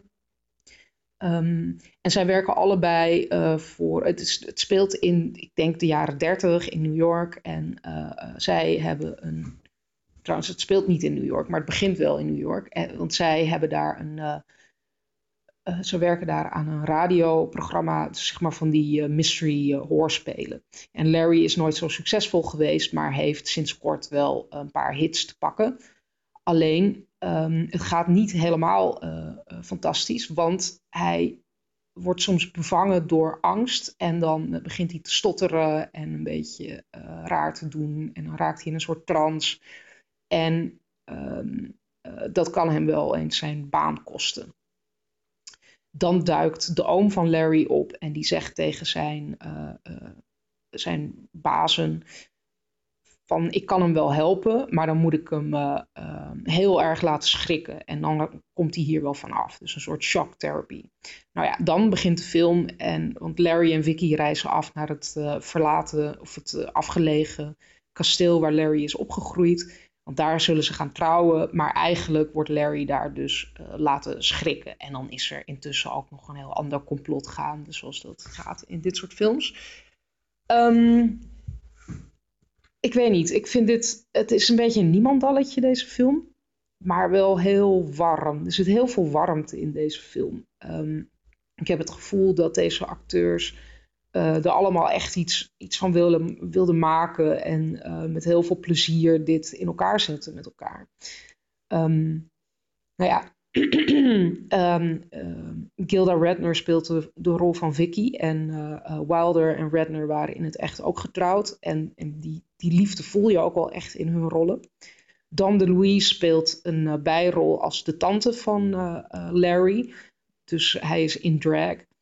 En uh, hij heeft een Razzie gewonnen voor deze rol. Um, dat snap ik ergens wel. Het is, het is een beetje een gekke rol, maar toch heeft het wel wat. Het is niet heel grappig wat hij doet, maar um, ja, dat, dat werkt juist wel. Hij zet eigenlijk echt wel een, een personage neer. Je zit niet naar een, man in vrouwenkleding te kijken. Je zit wel echt naar die, die tante te kijken op de een of andere manier. Dus ik, ik heb wel wat met die rol. En uh, nee, de hele cast, zit er heel, ja, doet zijn best. En um, ja, het, het, werkt gewoon allemaal wel. Um, ook nog, uh, ik wilde ook nog Jonathan Price noemen, die een soort van playboy-achtig type speelt. En dat doet hij ook heel leuk. Hij, is de, uh, hij speelt ook in Brazil de hoofdrol. Um, nou ja, ik, uh, ik ben in Maastricht, dus ik heb niet al dvd's bij de hand. Maar was ik in Amsterdam geweest, dan had ik deze double bill misschien wel verlengd tot een marathon. Um, want er zijn uh, een aantal uh, spoofs in het verlengde van deze, die ik ook allemaal, die ik eigenlijk veel beter vind dan deze twee. Um, bijvoorbeeld Murder by Death uit 1976, misschien wel mijn lievelingstroostfilm. Clue uit 1985. Uh, dit zijn allebei een soort whodunit spoofs. En natuurlijk het meesterwerk van Mel Brooks en Gene Wilder, Young Frankenstein uit 1974. En, ehm, en die Madeleine Kahn die zit eh, zowel in Clue als in Young Frankenstein. En alleen zij maakt die films al de moeite waard. Dat was het weer. En volgende week zit ik weer gewoon aan tafel. Dag! Dankjewel, Basje. Oké, eh, we gaan weer verder met uh, de vooruitblik.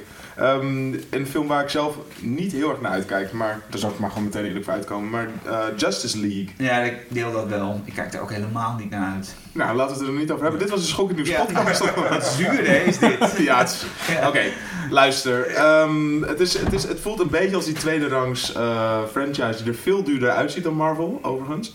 Maar veel minder um, exciting is. Vind jij van niet? Dat het er duurder uitziet? Ja, het ziet er allemaal zo veel te relaxed gelikt en mooi uh, computer gegenereerd uit. Maar ik, ik, Ze hebben minder geld voor belichting geloof ik, want het is alleen maar donkerder toch?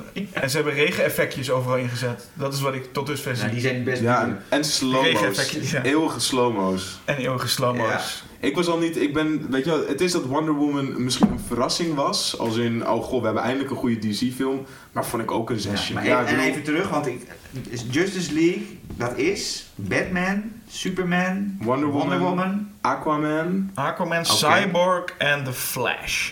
Oké, okay, ja. ja. En van Aquaman krijgen we nog, ook nog een ja, film? Van James Wan. Oké. Okay. De Saw-regisseur. Oh, dat is wel heel leuk. Ik weet niet of dat leuk is, want... Het is Aquaman, ja. Het wordt dus zo'n origin uh, En dat ja, is met die, uh, met die man in Game of Thrones, ja, hè? Met, ja, ja, iedereen is echt instant fan van Aquaman, doordat die kerel een Jason Hupplepup, ja. Jason ik, ik, ik vind het fantastisch gecast. Ik, uh, ik, ik, ik, las vroeger de, de Justice League strips. Oké, okay, dus jij bent wel een fan. Maar jij kijkt er wel naar uit, want dat is misschien goed om met jou te beginnen. Ja, nee, ja, dat is een beetje het stomme. Ik kijk er niet naar Oh, fijn. Zijn er schokkend nieuwsluisteraars die hier naar uitkijken? Ja, kom hier even gauw naartoe voor de opnames.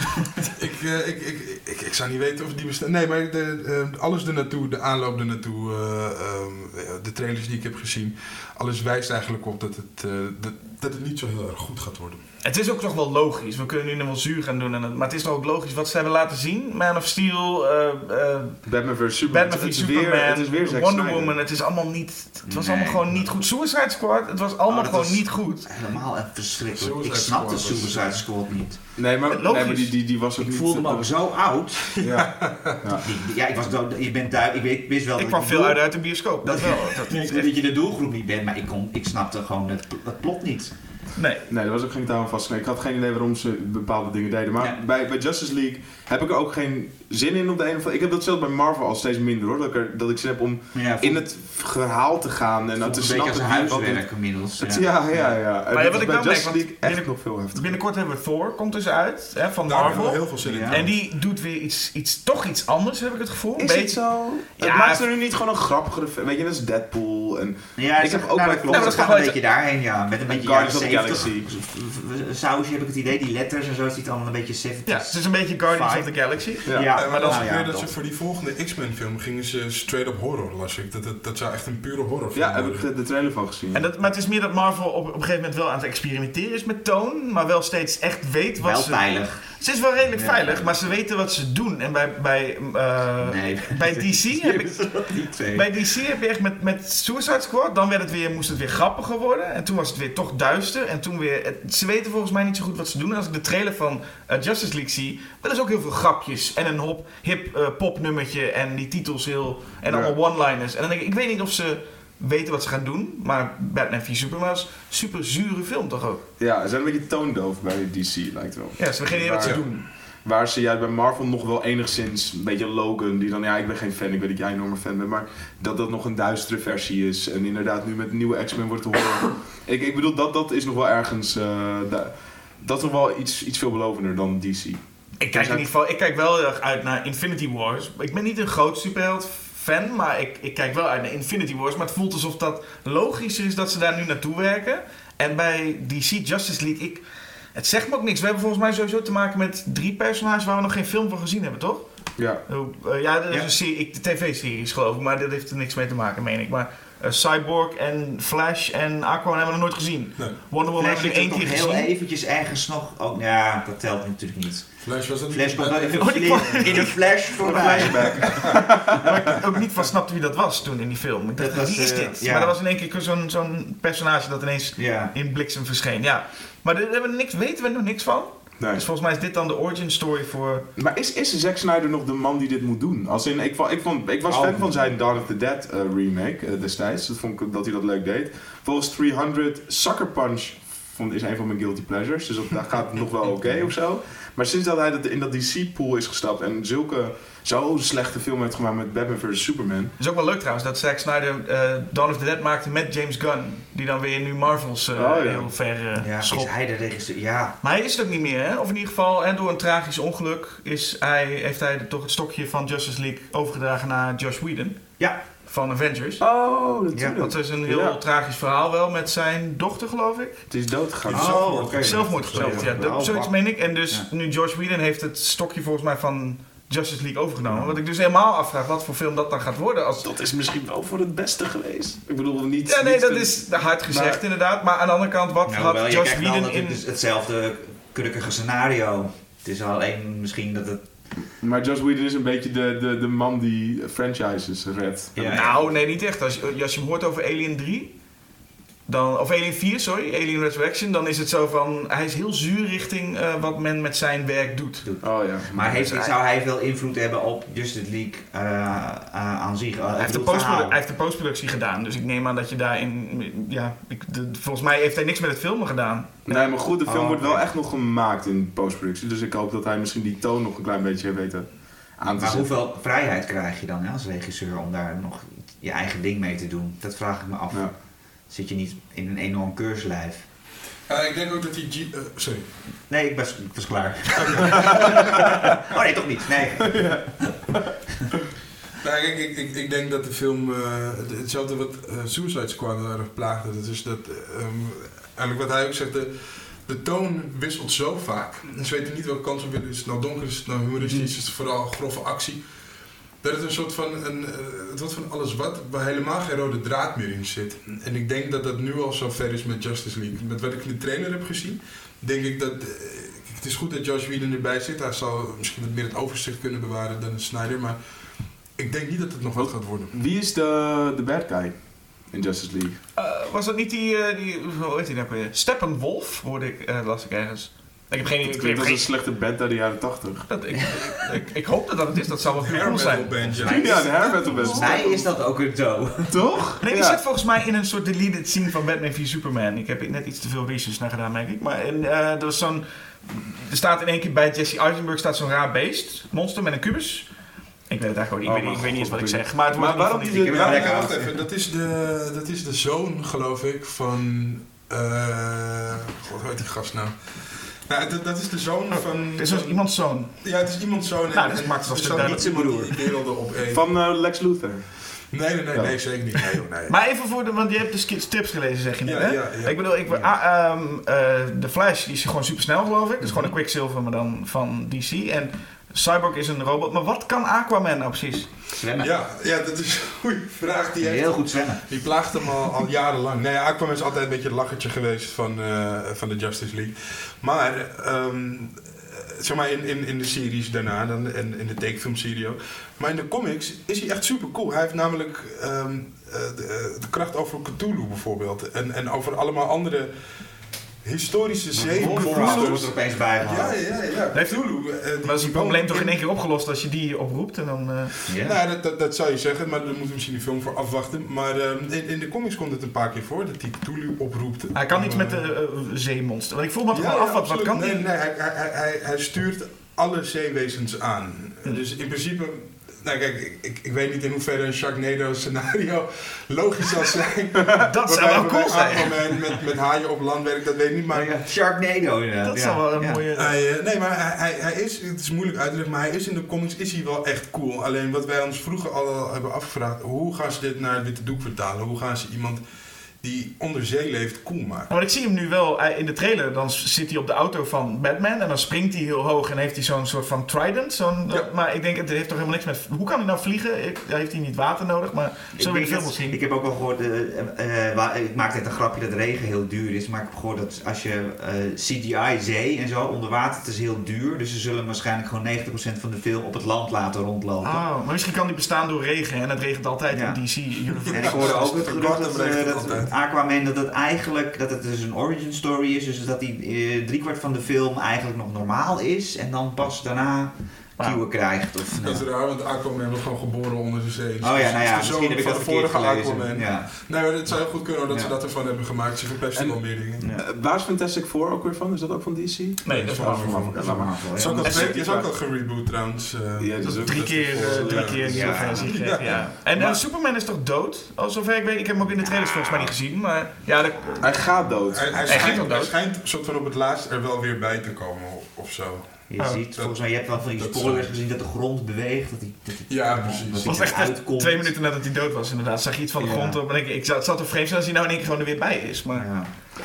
En dan, eh, waarom de Joker niet in Justice League of iemand anders van Suicide Squad? Is dat Nee, kijk, de Justice League, het, eh, dat, eh, als je kijkt naar de series, de Justice League houdt zich veel meer bezig met wat er in het heelal gebeurt en in space en zeg maar, in de bigger DC universe. En daarom, je hebt op een gegeven moment heb je dus ook gasten als de Green Arrow en de Flash, die zitten er dan bij.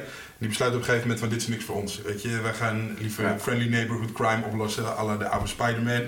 En laat Superman en eh, je hebt ook nog op een gegeven moment komt er een alien bij, John. En eh, de Green Lantern zit er natuurlijk ook nog bij. Oh ja, Green Oh, Lantern. ja. la- laat die gasten maar alle alien problemen oplossen. En wij gaan hier wel in de buurt eh tasjes dieven. oh, daarom zit die dude van Suicide Squad met die boomerang er niet in. Want die kan niet zo heel veel met eh, goden en... eh, Die, met die boomerang, ik weet het ook in alweer. Suicide Squad zit een man die Zit een heeft man als een gave dat hij met boomerang kan gooien. Dat is een gave. Oh, die was nog vergeten. En iemand, en iemand, waar, eh, en iemand met een zwaard waar je ja, ziel in kan. waar je ziel in zit. En dat- Zo de ziel van der man. Nou ja, ja. Ja. En, en Ryan Reynolds is natuurlijk overgestapt van DC dus als de Green Lantern naar Marvel als Deadpool. Het wordt ook allemaal best wel... We moeten een keertje zo'n soort van bord maken met allemaal Ja, strepen. maar Deadpool zit weer in de X-Men universe. Ah, Ja. dat, zit niet, dat zijn Ja. eigenlijk twee aparte universes, toch?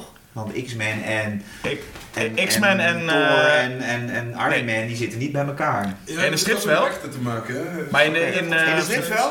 in de strips is gooit Oh, volgens mij iedereen bij elkaar. Volgens mij is iedereen daar bij Ja, elkaar. gezellig. Ja. Ja, dat was wel gezellig. Maar nu is het met, eh hoe heet dat, eh, Spider-Man Sony. En die hebben nou wel een kleine Ja, deal. die hebben een die deal. En X-Men en Fantastic Four horen bij Fox. Oh, oké. En de rest hoort nu Oh. bij Marvel. Dus het, is ook weer, het gaat weer om geld. Het gaat weer om geld. Maar ze zijn er met Spider-Man wel Ja, uitgekomen. En ja. volgens mij heeft Hugh Jackman ooit gezegd... als ik in een Avengers film kan, dan wil ik nog wel één keer Wolverine doen. Maar alleen dan. Maar dat gaat waarschijnlijk niet gebeuren.